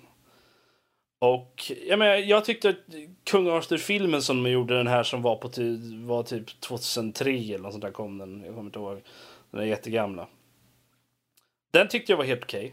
Men det var för att de tog den i en helt annan riktning än vad originalet var. Så att de hade liksom... De försökte göra det lite mer historiskt, vilket jag uppskattade liksom. Var det den med Sean Connery eller? Nej, det här var ju den, vad fan heter han? Um... Oh, uh, jag, tänk, jag, tänker på den med, med Sean Han Connery spelade Miss Gere. Fantastic och, och, eh, han var ju... Johan Griffith. Ah, just ja, han, han ah, spelade ja. ju Lancelot ah, ja. i den filmen. Den har jag helt glömt bort att den existerade. Den äger på DVD jag faktiskt. En av de få filmer jag Grattis! Det, jag gillade den filmen, men det var liksom den gick ju i en helt annan riktning än vad en film... Det var inte en adaption av liksom historien utan det var ju liksom att de försökte... Okej, okay, det här är vad det skulle kunna varit om det var historiskt. Vilket var en helt annan taktik liksom. Mm. Uh, men det här ser ju ut att vara någonting som försöker vara lite mer Arthurian om man säger så. Och jag är lite så här, ja... Mm, det kommer säkert... Det är väl Guy Ritchie också va, som regisserar jag, jag är bara lite, jag, jag är väldigt skeptisk för att de gör alltid fel i de här. Uh, jag är lite mer insatt i Kung Arthur-legenden så att jag, jag brukar kunna se vad de har gjort fel. Mm. Har du några fler filmer på listan, Robert? Nej, det var, Eller var de sista. Alla? Yes. Över till nästa Fredrik. Man. Ja, ja nu har, du har ju tack och lov sagt många av dem. Men det är Logan, Guardians 2, uh, Blade Runner 2049, 2 Ragnarök, uh, Star Wars Episod uh, 8, uh, Last Jedi såklart. Um, jag är ju nyfiken på Alien Covenant. Um, jag har ju alltid älskat original uh, Alien-filmerna och vi får se om man kan ta tillbaka det på något sätt, Ridley Scott. Men um, den, den filmen, är det meningen att den skulle vara en uppföljare till Prometheus? Ja, eller? det är det. Ah, det, är ju, det innehåller ju de karaktärerna. Det, det, var, det var ju, den hette ju, var det, var det, projektnamnet var ju Prometheus 2, men sen bytte de till ett eget namn ju. Mm. Men eh, jag försöker inte dra upp något för, för ja, så här, höga förhoppningar. Men så, så länge jag, de inte springer ändå... rakt fram framför en grej som trillar ner ja, över dem. Och men så länge liksom, det, försök, jag vill se att han försöker göra någonting bra med det. Det är ändå Ridley Scott igen liksom. Um, även om jag, är det någonting, den här Blade Runner 2049 var ju extremt så här eh, krit, kritisk inför. Mest för att, att göra en uppföljare på den filmen kändes så fruktansvärt dumt. Jag har sett trailern så jag blev lite mer intresserad och sen när jag såg Arrival så blev jag mer nyfiken på greppet vad de ska göra. Men eh, vi får se. Annars så, en film som jag ser fram emot är faktiskt Wonder Woman. Um, det känns som att de har potential att faktiskt göra en, en bra DC-rulle. De har inte gjort någon bra hittills. Ehm, um, Komma skall. Eller varför, ja. inte, varför inte en bra Wonder Woman-grej? Uh, uh, de har ju försökt och det har inte gjort sådär jättebra. Uh. Nej, jag har inte ens tänkt ta med de små skitgrejerna. Men uh, Wonder Woman-filmen ser jag fram emot. Uh, och uh, även om jag samma sak här, jag vill inte lägga några förhoppningar på alls Justice League-filmen. Men jag hoppas ju att de faktiskt tar sig i kragen och gör någonting bra av det. Jag tror inte de kommer göra något bra av det, men jag hoppas. Ja, annars om, så. om man inte är nöjd med Justice League-filmen kan man ju alltid gå och titta på någon av tv-serierna som är typ som Justice League nästan. Uh, mm. När de teamar upp så. Mm. Precis. Men, men det är de. Yes, uh, såklart. Det finns ju massvis med filmer som kommer under året. Ja. Men jag tänkte att jag tar bara några, några så som är kort. Uh, som ni har nämnt, Alien Covenant. Är nyfiken. Mm. Jag, tycker om, jag tycker trailern ser intressant ut. Jag tycker dock inte allt för mycket om det här liksom, att man ser liksom, någonting när han förändras sånt där. Det känns liksom som de går lite grann ifrån. Men som sagt, vi vet ju inte hur, hur hela storylinen kommer att vara. Vi hade ju liksom en som muterade i förra filmen. Ju, så. Mm. Uh, Blade Runner 2049 såklart. Uh, som jag håller med Fredrik, vi hade nog inte behövt ha en uppföljare, men jag är nyfiken på vil, vil, vilken väg de kommer gå. Eh, ifall det kommer vara lika eh, filosofisk, eh, liksom vad är mänskligt, vad är riktigt och sånt där. Eh, mm. Eller ifall det kommer vara en, en ny popcornsrulle bara. Jag hoppas verkligen inte det. Uppföljare till den här klassikern. Eh, sen har vi Ghost in the Shell. Mm är jag väldigt nyfiken. Älskar, älskar äh, animefilmen, eller filmerna och tv-serien. Så är väldigt nyfiken. Det som man har sett i trailern har ju varit väldigt... De har ju kopierat eh, nästan hela scener därifrån. Eh, ja, har ni sett den? Det var ju någon som gjorde, tog trailern. Den, den live action trailern, inte den senaste utan förra trailern. Och mm -hmm. eh, tog klipp från, serie, från Ghost in Shell-serien och filmerna tror jag också. Och typ recreated tra trailern scen för scen alltså. I stort okay. sett. Och, så att alla scenerna från trailern passade upp typ exakt från serien alltså. Mm. Så det var ganska coolt faktiskt. Jag såg det och tänkte okej, okay, då kanske de har gjort någonting okej okay här. Jag är inte någon insatt, insatt överhuvudtaget i Ghost in the Shell. Jag har ju typ ingen koppling till den överhuvudtaget. Men, mm. så jag, ja. men det var ganska coolt i alla fall, jag tyckte jag. Yes. Första animefilmen jag någonsin sett. Mm. Ghost in Shell. Um, moving on. Uh, Kong, Sky Island. Mm. Han ser betydligt större ut, vilket gör förhoppningen lite bättre. Den ser någorlunda intressant ut sådär. Och jag, som sagt, uh, Pete Jacksons var ju underhållande som bäst sådär. Uh, men att uh, den här ser ut att bli lite mer... Ja, lite, li, jag nöjer mig med att säga lite mer än vad hans var. Och sen har mm. vi den sista jag tar och nämner här, War for the Planet of the Apes. Mm. Älskar, älskar Planet of the Apes-filmerna. Uh, jag hade den på min lista men tog bort den för det var så ja. många. Ja, ja den, den, det är en sån där film som jag vill se. Jag såg de andra två liksom så att... Uh, Skitbra filmer. Jag har också sett några mm. av originalfilmerna har jag gjort. Så att... Uh, de hade ju mm. någon sån här, det här är ju alltså typ en 10-15 år sedan vid det här laget. Uh, men de hade på typ fyran tror jag så hade de typ en vecka där de visade på kvällen så visade de typ alla Planet of the Apes-filmerna, de här originalen då med Charlton Heston och de där. Um, så jag så tittade på dem den veckan och jag tror jag såg allihopa utom typ två tror jag. Det är ju, en, vad är det, sex filmer eller någonting? Är det inte det? Ja, men inte sju filmer för mig. Äh, skitsamma. Det är många Den- jävla Ja, jag vet att jag såg en hel drös, flera stycken av dem i alla fall. Så jag har, jag har ju sett några original. Jag såg också den som var med eh, Mark Wahlberg. Eh, filmen. Ja, usch. Jag tyckte den var helt okej, men ja. Det är, en sån, det är en sån film du lämnar gärna vid dörren. Sådär. Men ja. ja, nej, men jag, jag ser fram emot den. Jag så- tyckte om storylinen, jag tyckte om utvecklingen de har gjort under filmerna. Fantastiskt snyggt. eh, animerade också, apor sådär. Mm. Riktigt snyggt. Och storylinen som sagt, den är väldigt bra också. Det är inte bara den här typiska spring omkring, slåss och sånt där, utan har en djupare mening där bakom. Eh, mer underliggande meningar och eh, saker som inte sägs. Eh, och som visas i ansiktsuttryck på aporna som är fantastiskt gjort som sagt. Men det är i alla fall det är några av de filmerna som ses fram. Och det, som sagt, vi kommer ju massvis. Vi har ju massvis med Marvel-filmer. Vi har massvis med andra filmer som kommer ut också under året. Så- Vi kommer ju återkomma till dem när vi har sett dem. Så det är Precis, ingen vi, fara. vi kommer Ni ju ta upp dem när vi har sett en av filmerna. Jag tänkte bara lite fun fact, säger Mm. jag. Uh, angående, jag tror det är första Planet of the Apes-filmen som kom. Den här nya, vad hette den? The Dawn of the Planet of the Apes eller vad det nu var. Vilken var det? Var det första av de nya? De har ju så jävla konstiga namn så. Ja, jag kommer inte ihåg Men den nu. första av dem i den nya serien. Ja, fall. precis. Um, de, eh, Plague Inc. Evolve, det här spelet som är att man ska typ, Mm. ta över hela jorden. De gjorde en tie-in till den filmen. Där man faktiskt gör, kan ta över världen med det apviruset.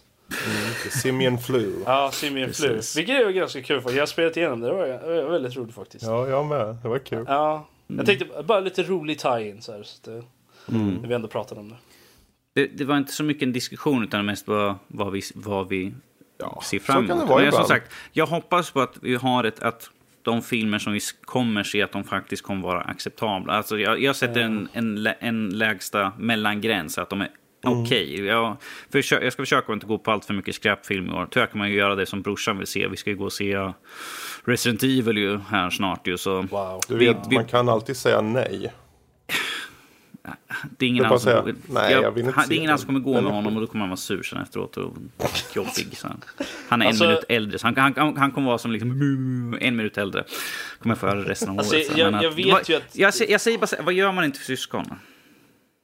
Okej, ah, ja. Nej, Ja, ehm, de som säga emot dig är en bastard. Ja, så. Ah, ja. Nej, men alltså, jag, jag, jag kom inte, innan vi började här så tänkte jag, fan, vad är det för filmer som kommer ut i år? För jag kommer fan inte ihåg. Jag kommer ihåg, ja men det är de här Marvel-filmerna liksom, och så Star Wars typ. Vad, är- vad är det något mer som kommer ut? Så tittade jag på listan och så typ, uh, ja okej det är typ 30 filmer på den här listan som jag vill se. så här. För att eh, Ja, det, det, det, det är ett kommer en bra år för alla serieälskare framför allt verkligen. Det är mycket på både DC och Marvel verkligen. Jag, Ja. jag, jag säger så här just nu på det vi, det vi tar upp här just nu. Jag är, inte, jag är glad att vi inte gör lika mycket som på spel, uh, Soffhjältarna podcast som jag var med på när vi pratade Spelhjältarna. Spelhjältarna. Spelhjältarna. Soffhjältarna. När vi, när vi pratade om filmåret, för det är tre timmar, vi pratar om alla filmer. Alla filmer Lyssna på. Soffhjältarna. Vilka avsnitt var det förresten? Eh, det är nu... Åh gud, vad är det? Det är två... Det? En, två avsnitt sen, så 23? Något sånt där. 25? 25? 25? Ja, jag kommer inte ihåg. Eh, det är bara att gå in och kolla. Den, he, eh, den heter eh, John Goodman, tror jag den heter. Mm, avsnitt Den heter 25. John Goodman. Det är tre, tre och en halv timme. Vi pratar om alla filmer som kommer ut under årets gång. Eh, jag och Jack har jättekul och Peter håller på och sliter håret. Wow. Eh, vi kan väl säga det också. Är det så att ni där ute, ja men ni har inte tagit upp den här. Eller jag vill säga vad jag tycker är för någon film jag ser fram emot. Maila in till oss på info at nordlivpodcast.se. Precis. Eh, ja. Jag tror det var den. Ja. ja, det är väl kort och gott. Det vi vill ha Ja. sagt om film här just nu. Och från en filmdiskussion här till en annan filmdiskussion här nu. Vi har alla tre sett Arrival. Yes. Eh, tankar om den? Uh, Fredrik, du hade Ja, ju en... börja du. hade- Jag är nyfiken vad du tycker. Uh, uh, så vi, vi, vi pratade om det här nu i, igår, tror jag det var. Och, yep. Du, du, du sa ju liksom att du vill ju höra, liksom, och andras, för att du har ju en helt annan insikt på det här. Som, det här är en film som har lite grann om, hur du sa att det är liksom familj, barn och liksom eh, partner och sånt. Jag har en viss del som ja. eh, klingar för och barn. eftersom jag inte har någon jag har varken partner, jag har inga barn och sånt där, så, är liksom, så, känner, så var ju du nyfiken på hur jag såg på filmen. Som, du kan ju relatera mm. till de bitarna, så du har ju barn och du har ju partner. Eh, och jag kan säga så här, eh, näsdukar. Eh, jag, tycker inte om, jag tycker inte om film som börjar sorgligt och liksom har slutet, det är, ingen, det är, ingen, det är liksom bara den känslan jag har, det känns sorgligt. Ja, Robert, jag, jag kan känna saker också, jag är inte en robot. Jag tror inte på det. Ehm, så uh, nej, alltså som sagt, det är ju en... Uh, alltså jag kollade trailern här nu innan vi började och trailern gör inte filmen rättvisa. Trailern får att verka mer som det ska, det ska, det ska hända massa saker i filmen. Det här är en väldigt lugn film. Det är inte som trailern. Trailern är liksom så snabb musik, det är liksom massvis klippningar och saker som händer. Uh, explosioner och sånt. Det är hetsiga samtal och sånt där. Medan mm i, när man kollar på filmen, filmen är 1.57 eller något sånt där lång. Eh, nästan två timmar lång. jag. Eh, nästan två timmar lång. Och eh, det är inget sånt. Det, musiken är väldigt sparsmakad. De har mer väldigt... Uh, uh, om vi säger så här, när rymdskeppet och sånt är i bild och sånt så är det väldigt så här gutturala animalistiska ljud. Det är liksom sådana väldigt djupa toner. Det låter lite grann som mm. de har mm. spelat in ljud under vatten och sånt där för att få till den här eh, ambiansen, ekot och sånt där för att liksom förmedla mm. en helt annan eh, en annan världslig bild av liksom när skeppet är i närheten när man har någonting där. Så att jag tycker att det är väldigt snyggt gjort där. Um, cinematiskt väldigt snyggt spelat, inspelat. Eh, som sagt, trailern gör den verkligen inte rättvisan. Eh, det, det får, det, jag kollade på trailern och jag bara, det här är absolut inte samma film. Jag var lite besviken, för jag hade, jag hade som sagt en annan syn och vad jag trodde att filmen skulle vara. När jag hade sett trailern första gången, jag bara, men det kommer vara typiskt sån här alien-film, det kommer hända någonting. Och sen liksom, oh, War of the Worlds. Det är absolut ingenting. Det är en väldigt lugn film, det är väldigt mycket dialog, det är väldigt mycket känslor, det är väldigt mycket, det är väldigt mycket detaljer Eh, i den här filmen som man liksom måste fokusera på.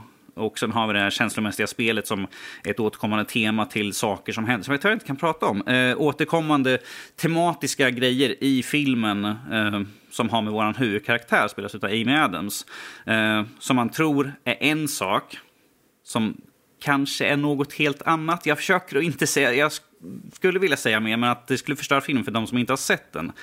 Eh, det, är, en liten twist så, men att eh, väldigt smart film. Och eh, jag tyckte att, han, att Denis Villeneuve gjorde väldigt bra jobb på den här filmen. För att han har väldigt bra skådespelare och den är som sagt bra musik, det är snyggt inspelat, det är väldigt känslomässigt. Tyckte jag i alla fall. Robert, jag kan tro för, för att du är liksom uh, okänslig. Men det är bara lite grann mina korta... Sa, okay lite kort av mina tankar. Men jag vill, jag vill höra nu av dig Fredrik. Som, du var ju nyfiken, men jag vill se hur du ser som mm. förälder och uh, som make här nu. Ja, inte, för de som mot förmodan inte har sett uh, trail eller vet något om den här så handlar det egentligen då om att uh, 12 stycken mystiska rymdskepp uh, poppar fram runt omkring på jorden. Och försöker kommunicera med mänskligheten och då på en av de här platserna så tar de lingvisten, eller professorn då, Louise Banks spelar då Amy Adams för att försöka översätta då språket som de här alienerna har och var de faktiskt, varför de är här. Ehm, just temat här med kommunikation framförallt. Det är kommunikation, vad, vad, hur man kommunicerar med varandra och på vilket sätt man framför då, framförallt då ska försöka kommunicera med de här utomjordingarna. Men eh, vad jag tycker om filmen, det är ju som, precis som du har sagt här. Det, det, den tar sin tid i början. Jag tyckte det kanske var, det var några stunder i början tyckte jag var lite för segt. Men sen efter första tredjedelen så satt jag på sätt och vis, jag satt klistrad ändå. Trots sitt eh, stilla eh, eh, foto och eh, sparsmakad eh, ljudbild. Så tyckte jag ändå att den, den fick den fick mig. Um, och fick mig till sista rutan. Uh, just det som du antyder på just med um, det handlar om hennes barn och make som de tar upp i början och mm. uh, vad som har hänt med dem och så. Uh, det är ju någonting som jag direkt uh, kände av, kände sådär. Uh, särskilt barnet då. Men just hur, hur de filmar det och hur de tar i takt med musiken tyckte jag var väldigt... Det, det tog, tog an några strängar hos mig. Mm. Men framförallt så var det ju det generella temat egentligen, för det var ju bara en detalj i det hela. För att bygga upp storyn om just kommunikationen och mm. mellan oss som mänsklighet. Och, eh, och hur vi på sätt och vis finner varandra. Det är ju mer en historia om hur vi som mänsklighet hittar till varandra än hur vi får kontakt med utomjordingarna. Mm. Uh, upplevde jag det som. Men uh, ja, jag, jag, tyckte om filmen. Det, det, finns många filmer som är bättre kan jag tycka. Men uh, den, den, det är en stark film och den funkar. Mm. Så. Du håller, jag hoppas du håller med mig, för du har ju säkert sett trailern. Trailern gör ju inte filmen rättvisa. Ja. Jag vet inte, det var så länge sedan jag såg den. Jag har ju, jag har ju hört om filmen. Jag har hört att den ska vara återhållsam och, och så. Så jag visste ju redan innan att den skulle mm. vara på det här sättet. Uh, så jag har inte riktigt tänkt på trailer. För jag, för jag har försökt, försökt att hålla mig borta från allt snack om den också. Sen direkt mm. efter jag såg den då började jag titta hit och dit på saker som jag aldrig hunnit titta på. Så här spoiler-grejer och sånt liksom. Vad folk mm. tyckte och tänkte. Och så. Men um, det är väl de initiala tankarna jag fick i alla fall. Mm. Rob. Robert. Jaha, ja, jag får vara med i den här diskussionen också. Um... ja, vi måste låta någon yngre än oss säga någonting. Alltså, jag tyckte om den. Um, den var lite... Uh, alltså jag tyckte inte den var seg någonstans riktigt. Det var vissa saker som kändes lite okej. Okay, det finns, det finns i, i hela filmen så finns det typ ett action-moment. Om man säger så. Typ mitt i filmen så är det mm. sånt som händer. Liksom. Det, det är enda gången som det är ett verkligt action-moment. Och sen den där lilla grejen mot slutet, men jag skulle inte räkna den heller riktigt. Uh, den är ju mer hetsig än någonting annat. Uh, större delen av intrigen är ju det som händer mellan karaktärerna. Liksom, och het, ibland kan det vara lite hetlevrade argument kanske. Och, och, press från olika sidor och sånt där. Men det är ju definitivt ingen actionrulle eller någon form av så här överdriven dramarulle heller. Eh, jag skulle nästan inte ens vilja kalla det för en thriller, men ja. Um, jag, uh, den är ju Vissa ställen kände jag att den kanske känd, försökte lite för hårt med att vara intellektuell. Uh, när de kunde ha gjort det lite mer simplistiskt. Uh, sen tyckte jag de kanske var lite väl över, uh, överdrivna med vissa flashbacks, eller vad man ska säga. Um, Jaså? Ja, nej, alltså jag tyckte liksom att... Um, för det är ju några, det är flera tillfällen i filmen som man får se det tar ju in till allt det där som du pratade om i början, liksom att eh, med barn och, och eh, man och sådär. Liksom. Det, det är ju tema som går under hela filmen och ibland tyckte jag att det var lite väl... Det hade inte behövts vara där. De hade inte behövt slänga in en flashback här. Det hade räckt med kanske bara ljudet från sådär. Liksom. Det, det var lite... Det kändes som att filmen tog eh, och höll en i handen lite för för mycket på vissa ställen. Men överlag så tyckte jag att den var, den var väldigt bra faktiskt. Um, den, den, den, den är ganska unik. Jag tyckte den var relativt unik i det här slaget när det handlar om eh, first contact med aliens och sånt där. Så tyckte jag att den var mm. relativt unik i alla fall.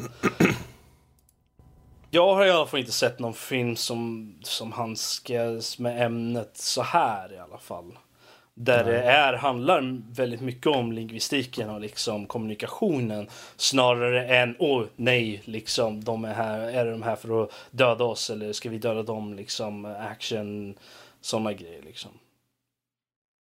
Så att uh, uh, jag kan faktiskt inte säga någonting angående trailer eller sådär hur den representerar för att jag har, såg trailern för jättelänge sedan. Uh, innan filmen kom ut. Och efter mm. det så blandade jag ihop den med filmen Passengers, eller vad den hette. Den där. Ah, okay.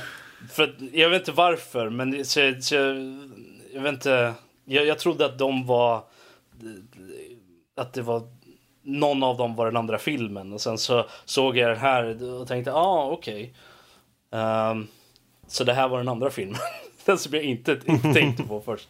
Uh, så att, uh, men jag, jag gillade den faktiskt. jag tror nog att det är många som inte kommer tycka om den dock. Um, just på grund av att det inte är en, en alien action-rulle liksom. Utan det, det, det den, är, den är ju definitivt mer uh, intellektuell och mer uh, uh, liksom personbaserad snarare än springa runt skjuta eller åh nej, aliens är här för att ta över och sådana grejer liksom.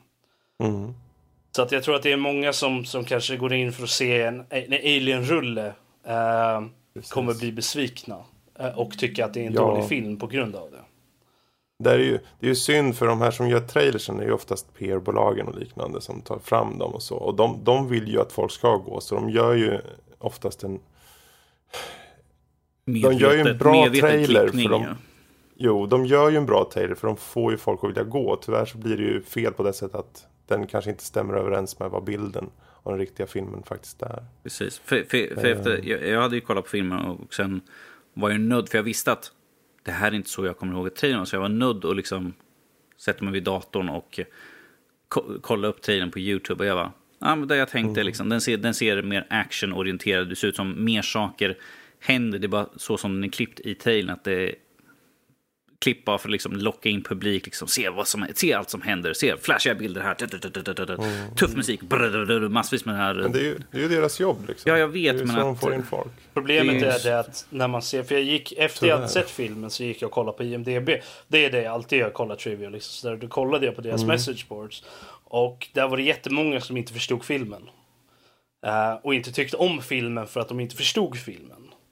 Mm. Ja. De, de liksom, de bara åh den här filmen sög, den var klyschig, den var åh, så B liksom. Och man bara, du har ju uppenbarligen inte förstått filmen, vad filmen handlade om, om du, om du uttrycker dig så här. Jag menar, för att sättet de pratade om filmen på var det ju ganska uppenbart att liksom mm. de hade tittat på filmen, förväntat sig någonting helt annat och på så sätt sagt den här filmen sög för jag tyckte inte om den. Liksom alltså den, den liksom, de kunde inte titta på den eh, de kunde bara se sin subjektiva vy av hela filmen. Snarare än att kunna titta Precis. på den. Och Jättetråkigt. Ja. Så att, eh, ja, men jag kan förstå reaktionen att när man går in för att se en film och sen inser att den här filmen tycker jag inte om. Att liksom säga fan vad den här sög. Men att såga en film så, den enda filmen jag någonsin har sett, så, eh, eller en av de väldigt få filmer som jag sett där jag verkligen kan säga den här filmen sög verkligen. Och det är fan Burn After Reading, för den vill jag ha tillbaka tiden efter jag hade sett filmen. Men det är liksom, det är väldigt sällan som jag går in och ser en film, även om jag inte tyckte om filmen, säger liksom att den här sög. Vad fan eh, tänkte de liksom? Varför skulle mm. någon vilja se den här filmen? Så att eh, jag, jag mm. känner att det är väldigt, det är väldigt tråkigt när folk... Jag tror, jag tror också så att folk som går in och tror en sak, de kommer ju bara per automatik för döma ut filmen. Ja, precis. För folk, alltså ärligt talat, folk är idioter. Så enkelt är det. Förutom ni som lyssnar på den här podcasten. Ni har klass. Nej, men det, det är ju så. Folk, folk som går in uh, och tror att, att det ska vara caterat till dem på något sätt. Att det ska vara liksom, vi, vi ska banne med veta vad det här är. Och sen att, de, att det skär sig lite mot vad de tror att det ska vara. Och så får de så här trollfasoner och bara ska skriva av sig. Om jag bara får bryta, bryta av den här diskussionen. Jag är bara lite nyfiken på, utan att vi går in och spoila, men jag är bara nyfiken på hur ni tyckte om eh, design och valet av rymdskepp och alien. Eh, mm. Ny, design, ny design, var det nytänkande eller var det liksom same same, vi har sett det förr? Jag tyckte det, var, jag tyckte det kändes ganska fräscht på något sätt. För det, det kändes annorlunda.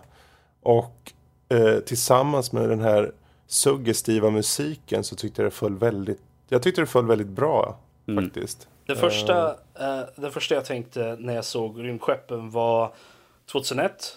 Um, ehm, och det första jag tänkte när jag såg Aliens var Reapers. Okej. Okay. Uh, det var ju uppenbarligen att det inte var där det var, men liksom det var det första som jag tänkte på. Och, men jag gillade verkligen designen för, för både rymdskeppet, liksom, det var väldigt um, från, från långt håll så ser det ju ut att vara typ som en, en stor slät sten bara. Men när de väl har nära shots av den så ser man ju att den är väldigt... Uh, den har uh, textur. Så att säga. Den verkar ju vara ganska grov liksom på utsidan och även inuti. Um, mm. vilket jag gillade, att den liksom på håll så såg den väldigt slät och, och så ut. Och den, den hade ju den här konkava... Liksom. Medan med på nära håll så var det liksom så naturlig, liksom, att det liksom som en sten. Liksom. Som, som, en sten ja. som har varit ute i Precis. väder och vind. Så. Och jag läste att den ja. var inspirerad av eh, typ, ja men sten alltså. Det, det var, mm. det var där liksom. Så det, jag gillade det. Och Aliens, de var... Uh, väldigt, de var inte unika på det sättet men det var en helt annan take på det hela. Och att eh, de ser ju väldigt alien ut. Gör de. Mm. Men det, det, det som är roligt är ju det att när man ser de aliens så tänker man direkt okej okay, de där är bad aliens.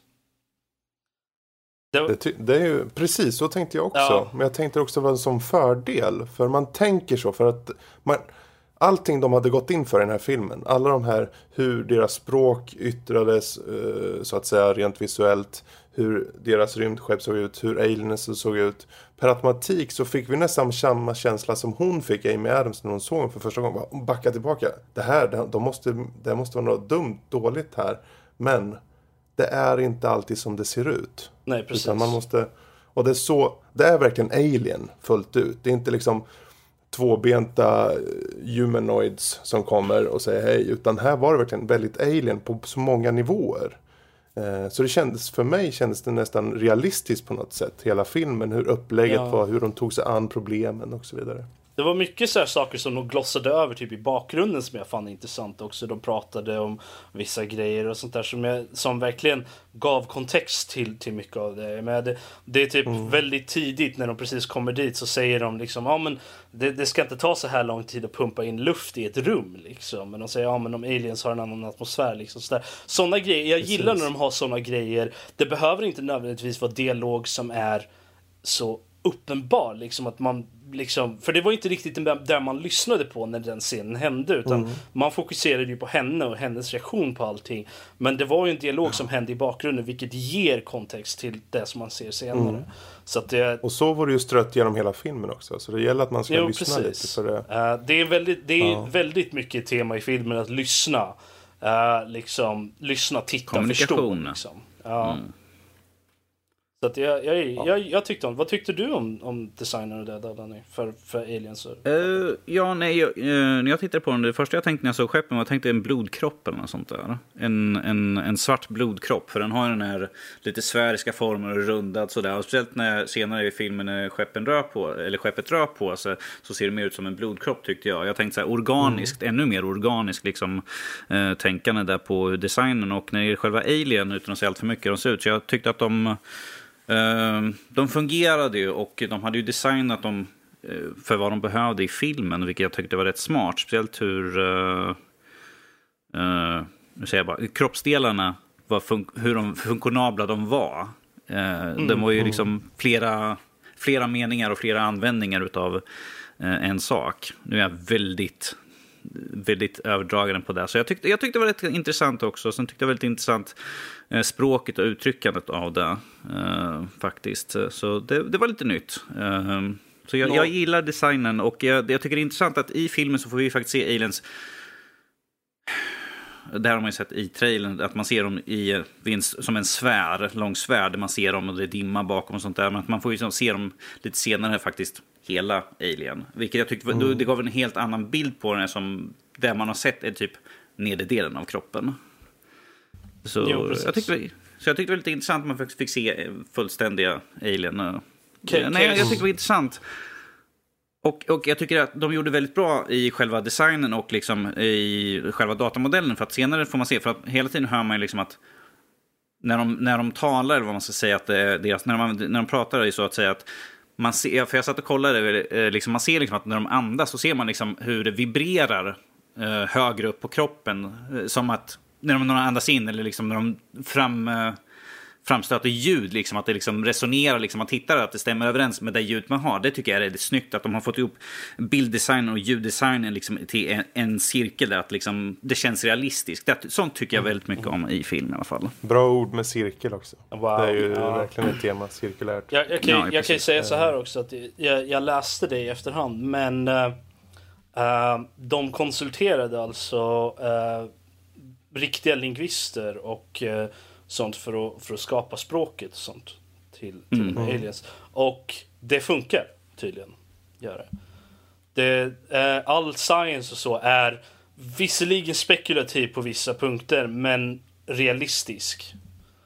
Det, det här är liksom att gå det extra steget istället för att liksom, vi slänger ihop någon mambo jumbo liksom annan film. Att de faktiskt har fått in lingvister, de har fått in liksom Vi laddar upp ett virus mot moderskeppet. Ja, ju precis. Det är ju verkligen uh, att slänga liksom manuset åt skogen. Liksom, vi gör bara så här. Men att, sånt här tycker jag om, liksom, när de faktiskt tar sig extra tid, tar in liksom, experter i, de uh, i respektive område. Liksom få liksom att, mm. Kan det här hända? Ja. Kommer det fungera?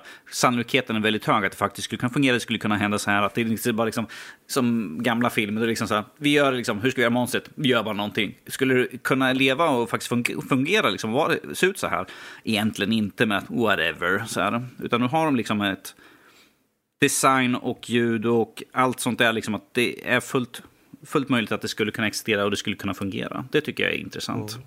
Det är liksom det extra yes. steget. Vi ska väl ta och runda av. Vi rundar av. Vi har, vi har ju faktiskt vårt sista segment här, vilket nu ska överlämna nu till Robert här med lite, lite lyssnarmail här faktiskt. Över till dig Robert. Ja, tack så mycket Danny. Ja, det var så roligt så. ja, snovalp. Ja, uh, nej, uh, återigen, jag är tillbaka i sadeln för att läsa lyssnarmail. Um, vi behövde bara få tillbaka Fredrik så skickar folk in mail igen. Uh, Tydligen. uh, vi har fått ett mail här från Sebbe. Uh, Hej gänget! Såg er Goti-fråga på Twitter. Jag ty tycker er lista var riktigt bra och jag höll med i princip allt. Uh, sen saknar jag Battlefield 1 och, och Inside. Men men, kan inte få allt. Eh, ni pratade aldrig något om 2016 eh, års bästa filmer. Är det något ni kommer göra? Eh, om ni fick säga tre var från 2016, vilka skulle det vara? Med vänliga hälsningar, Sebbe. Ja. Uh, mm. Danny, har du tre filmer från 2016 som du tyckte var bra? Uh, om vi säger så här att vi hade ju diskussioner inom uh, Nördli-gänget ifall vi skulle göra en, en Goti på film, men att Eh, tyvärr så var det för mycket svårt att få ihop allt folk eh, för att, att spela in liksom de tiderna vi gjorde under jul och nyår. Liksom, det var ju liksom bara ren tur att vi kunde få ihop allting sånt där. Så att det nog blivit väldigt svårt att få ihop det. Men att, eh, ja, men jag har tre stycken filmer här som jag tänkte ta upp i alla fall. Som jag tyckte var intressanta. vi har, först har vi The Hateful Eight. Okej. Okay. Tyckte jag var en bra film. Mm. Captain America Civil War. Det har vi liksom superhjältefilmen. Och sen har vi Star Trek Beyond. Som jag tyckte var rätt kul. Alltså alla tre filmerna är ju väldigt, eh, väldigt långt ifrån varandra känner jag. Så att jag vill ha lite variation på som jag tyckte var intressant och roliga. Eh, mm, mm. Som sagt, Hateful Eight är lite klassiker i västern. Captain America superhjälte och Star Trek det är ju lite sci-fi. Så jag, jag, tyckte att de var kul och intressanta att titta på. Eh, som sagt, det var massvis med bra filmer som kom under året. Men att de här tyckte jag att jag vill nämna i alla fall. Star Trek, många säger att liksom, eh, det var inte mycket att hänga i julgranen med. Jag tyckte det var en intressant eh, film. Jag, jag tyckte, jag, tyckte, jag tyckte som sagt att det var, det, jag tycker det är kul. Jag vill se mer Star Trek. Jag vill faktiskt göra det. Eh, vi får ju förhoppningsvis tv-serien någon vacker dag. Så lite mer Star Trek. Har det varit någon mer information om den tv-serien för som skulle komma? Inte på sistone, jag har inte hört någonting i alla fall. Jag har inte, jag har inte sett någonting heller. Vi får väl hoppas att den kommer snart i alla fall. Ah, ja. Precis. Um, Fredrik, vad har du för någonting då? Mm. Deadpool, Swiss Army Man och Doctor Strange. Mm. Nice. Kort och gott. Jag ja. uh, har fyra. jag kan inte limitera Why four? Because I like to go one more. Yeah eller hur? Uh, först och främst har jag Zootopia. För mm. den var extremt bra. Sen har vi Deadpool, självklart. Jag menar, Ryan Reynolds mm. är ju Deadpool.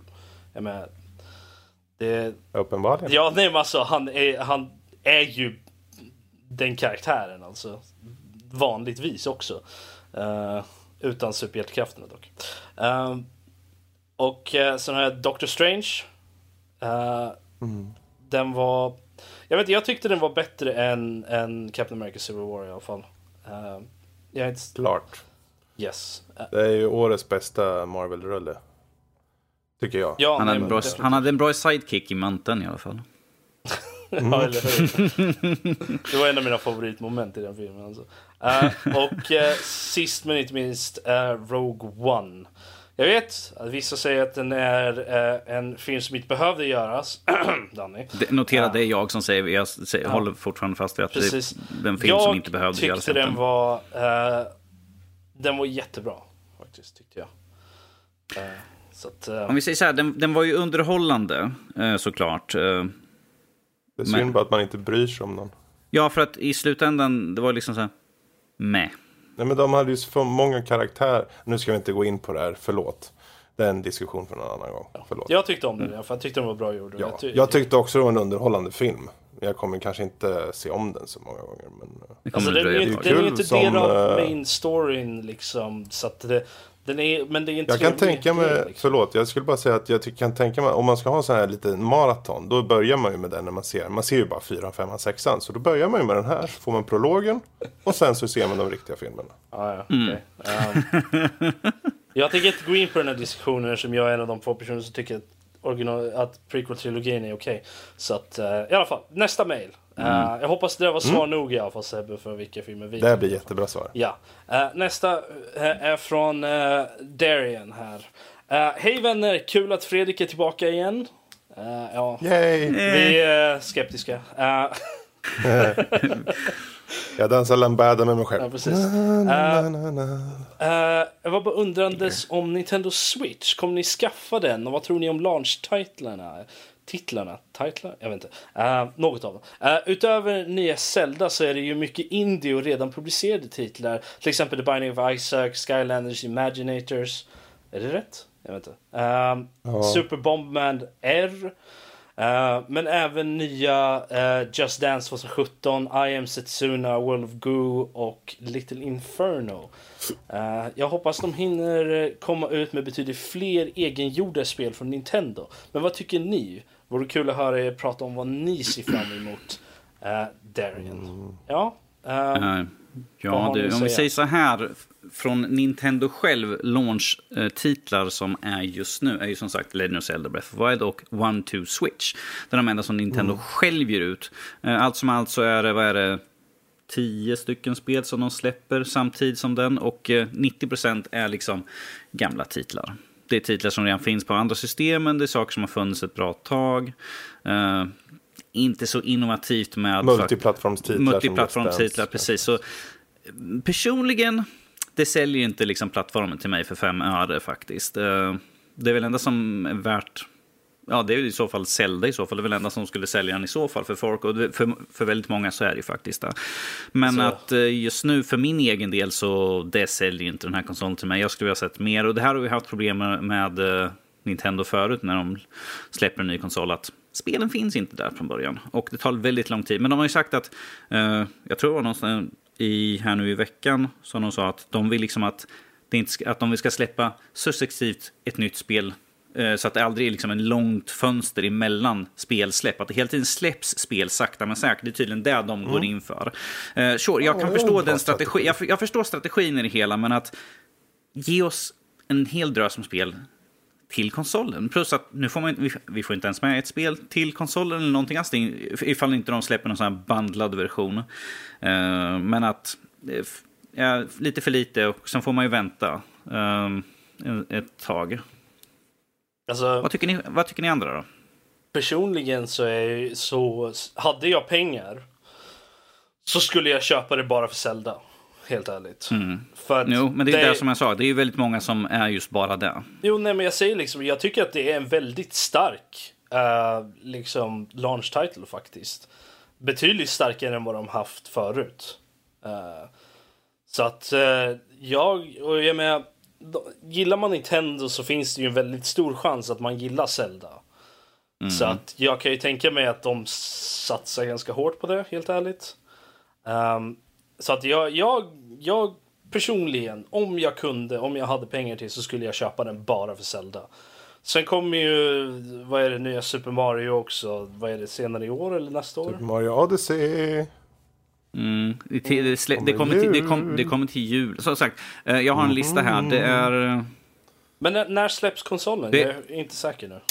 3 mars. 3 mars. Ah, okay. eh, och eh, utöver de här som är liksom de spelen som släpps samtidigt som den så är det, åt, ja, det här är bara Nintendo-spel nu, så är det åtta stycken som är satta, sen är det två spel som inte har något datum än så länge. Det är inte så många spel egentligen som de själva släpper, men listan på de tredje, tredje part och sånt där är ju betydligt fler ju, men att... Uh, ja, och nu har de ju tredje part också. Yes, precis. Alltså... Och nu har de, de har ju som sagt de har de stora företagen bakom sig för att de har ju sett liksom potentialen i den här ju. Mm. Så att vi kommer förhoppningsvis se spel som inte bara en direkt portning från ett annat system, utan de faktiskt arbetar, som är nu mycket enklare, att få in Precis. det för just den. Alltså, visst, man kan ju säga vad man vill om den här line-upen för launch. Det är ju en fråga i sig. Är det bra mm. launch-titlar? Det är mycket um, titlar som kanske funnits och så. Men de har några riktigt starka och särskilt med Zelda då. Um, jag personligen, jag kommer köpa den här. Uh, men inte för Zelda. Jag kommer köpa den för World of Goo. World of Goo, Fredrik. Super Mario Odyssey. Det kommer jag definitivt köpa den för. Jag tror jag, jag tror Så jag det betyder in... ju inte kanske... Det kommer kanske inte betyda att jag köper den vid launch. Men jag kommer definitivt ha den här konsolen. Om vi säger så här, innan um... julafton kommer du ha en. Ja, jag eftersom tror det släpps till, alltså. Eftersom dess, eh, Super Mario släpps till jul. Um... Så. Jo. Men jag, um... jag tycker att det kan nog vara en relativt okej okay strategi ändå att ha så att det kommer ut spel successivt liksom så här med ganska jämna mellanrum. För att har man ja. kanske inte råd att köpa den när den först kommer och så, där, så kan det ju nästan garantera, speciellt om de släpper titlar som har sån stor pull att folk vill köpa spel, konsolen bara för det här spelet. Som Zelda Precis. eller Super Mario till exempel. Där har de ju nästan, där har de ju, är det folk som inte gillar Zelda så är det säkert, så gillar de kanske Super Mario istället och då vill de ju såklart mm. liksom ha det spelet. Så att, Sen får man väl vara lite, nu kan jag inte vara naiv och tro att, jag menar Nintendo, varför kan inte de pumpa ut 7000 spel? Alltså de är en studio som alla andra. Mm. Vi har en studio här som vi bara, ni måste göra 20 spel, annars blir vi putt i kanten. Nej men, det är klart att de kan inte producera så många kanske. Och sen så att det här att de kan, om de nu kan göra som, som det sägs där, eh, lite mer intervaller och faktiskt få ut så pass många spelare själv. Det är ganska bra gjort ändå tycker jag. Ja. Sen är ju frågan vilka typ av spel det är. Alltså jag, jag, jag menar, det här One Two Switch ser ut att vara något party game liksom. Mm. Så det är väl alla eh, Wii-liknande, Wii Sports-liknande kanske, vad vet jag. Så länge de kan göra det roligt så, så tror jag nog mm. att, för att något som, som Nintendo har varit relativt bra på är ju partyspelen då. Så att, eh, mm. Det med Super Smash är ju ett av de absolut bästa partyspelen som finns, tycker jag i alla fall. Personligen. För att det är ett spel som är, som är verkligen så här, man kan bara hoppa in och spela en stund. Liksom. Och där kan man ju vara upp till fyra spelare som hoppar in och kör. Uh, förhoppningsvis så kommer det ett liknande spel. Jag vet inte om de hade tänkt avsluta med den serien. Jag är inte säker. Uh, får se. Vilken då? Uh, Super Smash uh, Bros-serien. Oh nej, nej, nej. nej. Förhopp det kommer. Förhoppningsvis kommer det till, till switchen också. För det, vore det, finns inget, det finns inget sånt utannonserat i alla fall alltså, än så det är. Ju, det är ju deras titlar som alltid kommer. Mm. Mario Kart, Super Smash, Super Mario. Ja, men där har det kan du liksom, du har ju så. Mario Kart och Super Smash är ju några av de bästa partyspelen. För det är bara att hoppa mm. in och köra liksom. Och Mario, inte, Mario Kart, jag, har dock alltid avskytt Mario Super Kart, Smash. Men Mario Kart kommer ju i april. Så vi får i alla fall mm. ett utav dem. Men uh, Smash är ingenting som är utannonserat än så länge. Ja, de, de, de, Sen sägs ju Splatoon, Splatoon 2 kommer också till sommaren. Så... Yes. Precis. Men som sagt, jag tror, jag tror att de bra. kommer nog sälja, sälja relativt bra i alla fall. Med det. Ja, för jag, jag, absolut. Ja, men jag ser ju några spel som jag speciellt då Zelda som jag skulle, om jag hade pengar, köpa konsolen för bara för det. Och mm. jag vet, jag är, är 100% säker på att det finns många som tänker på jag, tänk, tänker, på, tänker på jag, what? Uh, tänker som jag uh, och har mer pengar än vad jag har. Mm. Så att, uh... Absolut, och sen just den här faktorn med den här bärbara delen och ändå kunna behålla 720 kvalitet på uh, Jag menar, om det, är nu, det kommer att vara tredjepartsspel som du kan ta med på bussen eller vad du vill. Sitta och spela Assassin's Creed på bussen eller vad man vill. Mm. Uh, och sen ja. komma hem och pluppa i. Jag menar, jag tror definitivt, ja, ja, nej men där har du svaret i alla fall. lite blandat från oss alla men så är det. Yes. Sista mejl för dagen. Uh, Magnus skickar in till oss och säger Hej vänner! Jo, jag hörde i ett senaste avsnitt och ville fråga lite bara. Det är alltid välkommet att fråga. Det är bara att skicka in till oss på info.nordlypodcast.se. Uh, den där mikrofonen, är den enda som går på konsol i nuläget? Uh, jag har funderat att streama med min PS4 men, vill ha, men har velat ha bättre ljud utåt nämligen. Jag har själv funderat eh, att streama vid datorn och det lät som om ni inte rekommenderade den för PC.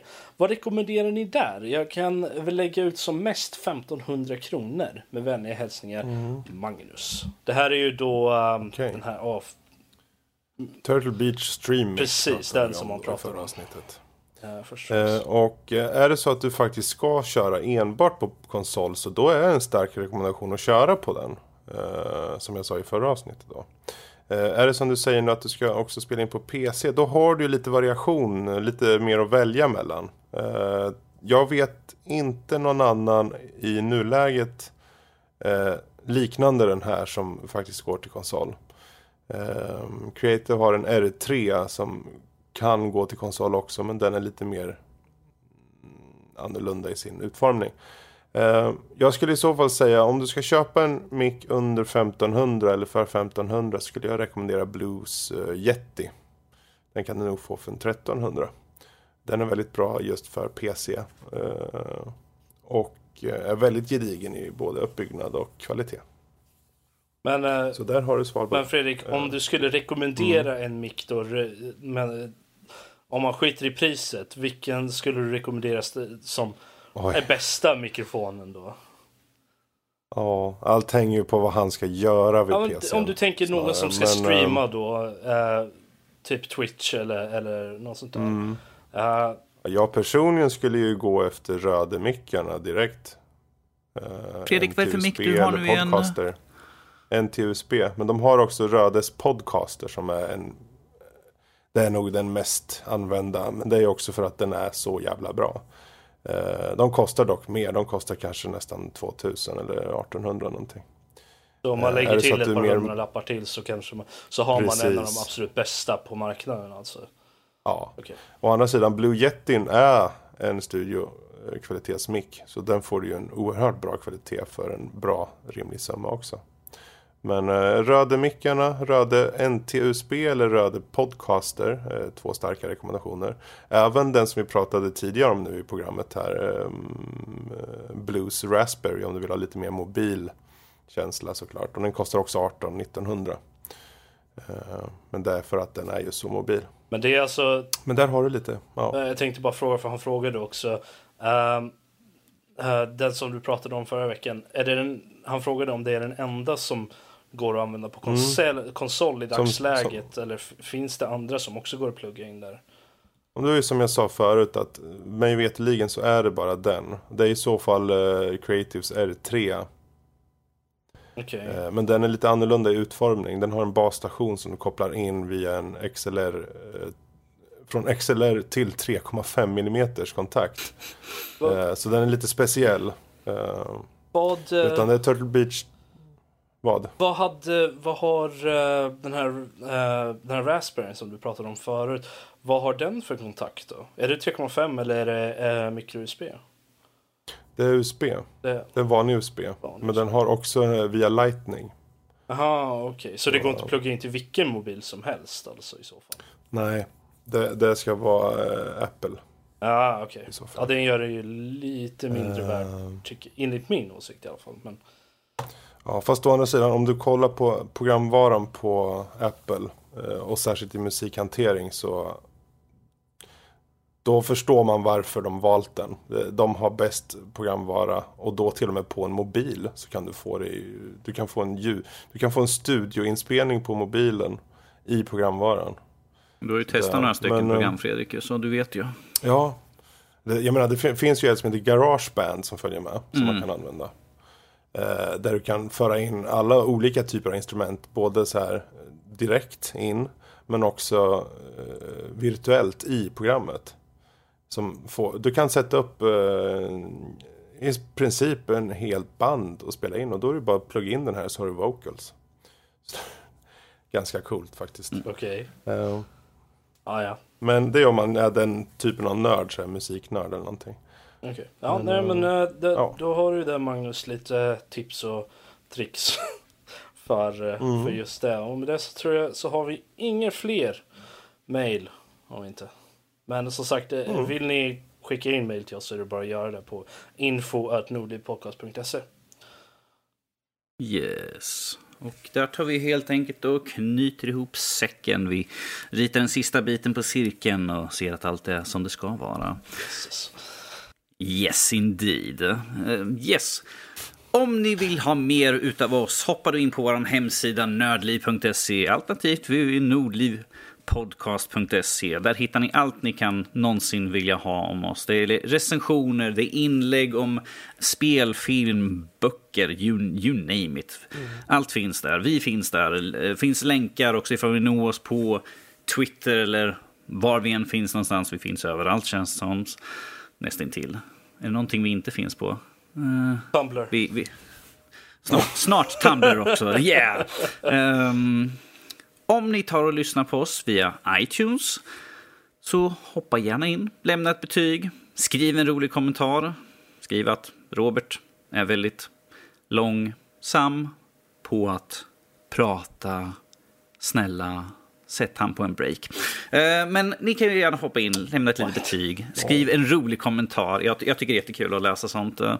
Um, Ja du, om, som, som Robert sa förut, om ni vill nå så kan ni nå oss på vår mejl info.nordlypodcast.se eller om ni vill skriva individuellt till någon av oss så är det bara att ta vårt förnamn kom ihåg att Rob stavas med två B. Så vill ni skriva till Rob, R-O-B-B. Och Max med två X. Mm, men ni ska vara så himla speciella. Fredrik med två Q. ja. Danny med tre, med tre eh, sjuor. B8 i mitten. Han före dig. Yes. Uh, har, har, jag glömt någonting? Jag är alltid förvirrad när jag gör Vi finns också allihopa på Twitter. Finns vi. Jag är att Veldarian, mm. Fredrik är att Freddy... Att Freddy Olsson med Z. Och Danny är att Verillion och resten är inte här så vi tar inte upp dem. Nej. Om vi säger så här, ni De kan... bara ät Nordliv Podcast så hittar ni. Precis, Precis vi finns också. alla där. Där kan ni nå oss också sådär. Men uh, det var inte så mycket mer nu för idag. Jag tycker Får jag, jag gå ut på den där flotten nu? Du får gå ut på flotten nu Fredrik och jag tar och... Får jag, får jag slå han i ansiktet, hajen? Ja, det får Be my, be my guest. Han ser ut som Robert. Hej. Då ska ja. jag fisa ner. Wow. Du kommer åka iväg på din flotte. Jag står kvar med liksom en borr som jag har gjort några fina hål så där, som täckt igen med lite epoxy som löser upp sig efter en stund. Tar du självmord eller Nej, på, på, din flotte. Hallå, Jesus Christ. Nej då, jag har redan åkt iväg. Vet du. du står ju kvar där och borrar hål i din egen flotte. Det är som att sitta och såga på en gren. Man sitter längre ut. Yes. Ah, ja. Det får räcka för den här dagen, men uh, kom tillbaka nästa vecka. Bukspottkörtel.